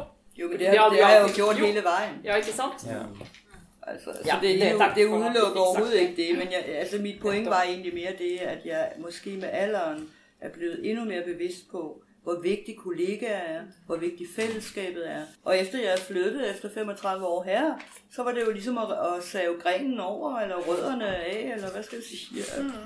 Øh, og så bliver man rigtig, rigtig meget opmærksom på, at kunst foregår ikke på en øde ø, det foregår i dialogen imellem os. Mm. Altså alle, alle diskussionerne, vi har, alt det, vi er optaget af. Ikke? Det er utrolig umuligt, så det ret, at gøre det alene. Det er meget svært. Så det, så det var egentlig derfor, jeg sa det, fordi at det er meg meget magtpåliggende. Ikke? Vi holder jo på hele tiden, og det har jeg gjort til de grader. Det er også derfor, jeg er litt sliten nu. Altså, at, at nå kan det faren være litt uh, Nu skal jeg selv si Barnebarn Andre ting i livet. Altså, det er også andre ting i livet. Ja. Vi har gått litt overtid, eh, men uh, vi har fått en lite bonusspørsmål her av uh, Anonym kilde. Som kanskje er ganske bra å, å avslutte med. Og det er hvorfor er Stavanger så kvinnedominert i dag? Er det positivt eller negativt? Har det med ambisjonsnivå å gjøre? Gjør det Stavangers kunstneriske fagmiljø mindre interessant? Og bør man kjønnskvotere inn menn? En veldig kort. Kan jeg, komme med en liten Ingeborg tar den. Nei, jeg skal ikke ta den. Men i Haugesund så er det faktisk omvendt. La oss flytte dit. Det er- Ja. det er- Det er mannsdominert. Det er det. Ja. Ok. Jeg jeg, jeg, jeg, jeg, jeg, DKFR-medlemmer. Interessant. Er det noen som har en kommentar til det spørsmålet? Det gjentar seg over hele fjøla over hele Norge. Det er ikke et lokalproblem. Jeg tror i, dag så, ja, jeg tror i dag så er det, det er mye menn som sliter med på en måte hele skolesystemet, på en måte. Mm. Og, at, og at det gjenspeiler seg på en måte i de ambisjonene man har. Nå går jeg på kunstskolen her i Rogaland. Og det er flertall av, av kvinner eller jenter i klassen. Og de mennene som går, altså de unge mennene som går i min klasse, de, de sliter med på en måte å ha Altså, altså viljen til å, til å på en måte gå Faste rammer og viljen. ja, ja, det, altså, ja, det handler om ja, ja, altså, men både liksom ambisjoner, men vilje, men også liksom bare eh, hele motivasjonen, på en måte. Ja. Men det her er en lokal tendens i så tilfelle. For det, Nei, ok, men hvis du, jo, jo, men hvis du, hvis du tar å se Hvis du på hvem som tjener mest, og hvem som er mest dominer, hvem som dominerer kunstmiljøet mest, så er det jo menn. Men, ja, det så, så, så, så, Ja, det så det som er litt interessant, da, er når Stavanger sitt kunstmiljø, billedkunstmiljø, er så kvinnedominert, da. Mm. Så hva er grunnen til det? Disse, altså, hvorfor tror- tar menn fra Stavanger, Ja. som eh, for eksempel Kenneth Verpe eller whoever, Mm. eh, Per Christian Brown, flytter til de forskjellige Altså, hvorfor hva, What? Mm. Why? Jeg tror, jeg, tror mange, jeg tror mange av de mennene som på en måte eh, vurderer kunst i dag, ser for seg at, at det er på en måte Det er så um, uforutsigbart at man ikke kan tjene nok penger. Og det, det, er, det er helt døvt, ikke sant? Fordi eh, da går man liksom og tenker hvor mye hva kan jeg tjene på å liksom gjøre kunst? Veldig mange menn tenker at det er utelukka fordi du kommer ikke til å tjene penger på det. på en måte. Ja, men er Tove må snakke. Det har vært åpning opp på det der BG i dag. Der er det vel eh, Det var menn. Der var det mye forskjellig. mannlige, mest mannlige kunstnere og mindre kvinner. Ja, Ja, men det er jo et kapitalist... Det selger. Ja, det det er jo- det er jo. Selvfølgelig er det mer menn. Where money Kristin. Jeg tenker at alle disse spørsmålene som vi nå har her nå, er er kanoninteresserte. Og det er liksom nesten hvert enkelt Nei, interessant mening. Unnskyld. Eh, hvert enkelt spørsmål her kunne nesten vært et eget tema Mm. på en videre lunken kaffe. Yeah. Eh, det jeg bare tenker er at det er sånn eh, i forhold til respekt for liksom deg som, yeah. som, som sier det du sier, Mm. og som er på en måte kjempelegitimt for deg som går på kunstskolen, og er i den generasjonen du er, så er Mm. dette her din virkelighet. Ja. Og det syns jeg er kjempeviktig. Mhm. At vi på en måte ser. Avslutt med Eh, Susanne, da. jeg vi bare afslutte med, Ja. det her det er overhovedet ikke et Stavanger-fænomen. Det er, Nei, det er, det er er hele vejen rundt. Altså, det er, er øh, og egentlig så, øh, så tænker jeg bare, at, øh, at proportionelt kan man jo sige, at hvis det er kvinnene der har overtaget med hensyn til, hvor mange der er medlem, eller hvor mange der arbeider med kunst, ikke? Øh, så er det jo mændene, der stadig sælger mest og blir innkjøpt mest. Ja. På museerne. Det er. Det har faktisk ikke rykket seg særlig meget. Ja. Og den diskusjonen er jo kæmpe, kæmpe interessant. For er det sånn som noen påstår, at hver gang, at et eller andet fagfelt blir bliver kvindedomineret, så faller det i status. Ja, altså det er jo bare et spørgsmål, det er ikke noget svar, altså, fordi det har jeg ikke. Ja, nej, men det, Men det er ikke noget på Stavanger-fænomen overhovedet. Det er på akademiene, det er alle steder, det er internasjonalt, det her. Det er så spennende, for her er det kvinner som har vært med fra når det er var mannsdominert, og helt over til at nå er det kvinnedominert. Så liksom bare gått igjennom hele denne her endring. Det er veldig spennende. Samtalen skulle vært i mange timer mer, men vi må avslutte. Og, men vi skal også, Det er en av en T-skjorte med en manns eh, ansikt på eh, det, det er den som vinner beste skuespiller. Det er meg. Vi har tre spørsmål i dag, og det første spørsmålet, det var um, Det var var kjempelangt, og det er meg, og jeg tar selvkritikk. Ja. Men, men jeg føler veldig lett spørsmålet. Hvor mange syns det var det beste spørsmålet? Det, Hvilke spørsmål? Hva var spørsmålet? Det var de ulike generasjonene og hvordan vi tenker i forhold til Ja. ja. Er jo ingen som følte det. Nei, det er helt greit. Jeg får en T-skjorte senere. Og det andre spørsmålet eh, Kanskje Susanne skulle få Så en det var det Susanne? Eh, som var til Susanne? Det var godt å få Det er det med solidaritet. Solidaritet. Ja. Ja. Ja, Fire, høre fem, fem, seks hender, syv hender, eh, åtte hender, ni hender. Ja. Og det siste spørsmålet var hvordan det er nå. Eller du svarte på, ja. Ok, mellomspørsmålet mellom spørsmålet vant. Jeg tror mellomspørsmålet vant, og hvem kan ha Hvem skal velge det mellomspørsmålet? Er det? Nei. Hvis de har gått, så var det jeg som hadde det. Det var med rød penn. Eh, Hva var det viktigste? Jeg har allerede en T-skjorte. Så Å, det var deg? Ok, da kan du velge Du gi deg kan få det. Hun har skrevet et annet kan kan få. Eller, eller det siste spørsmålet var Siri sitt, så det er vi to det? Ja, det- Skal vi krige, Siri? Nei, vet du hva, ta den du. Du mister jo skjerfet ditt her om dagen. Ja, stemmer. Ja men nå går ja, Kristin. Og da må vi bare si tusen takk for i kveld. Det har vært en veldig fin vinglapp, Den lengste til nå, faktisk. Den har fått over to timer, og det blir med klipping.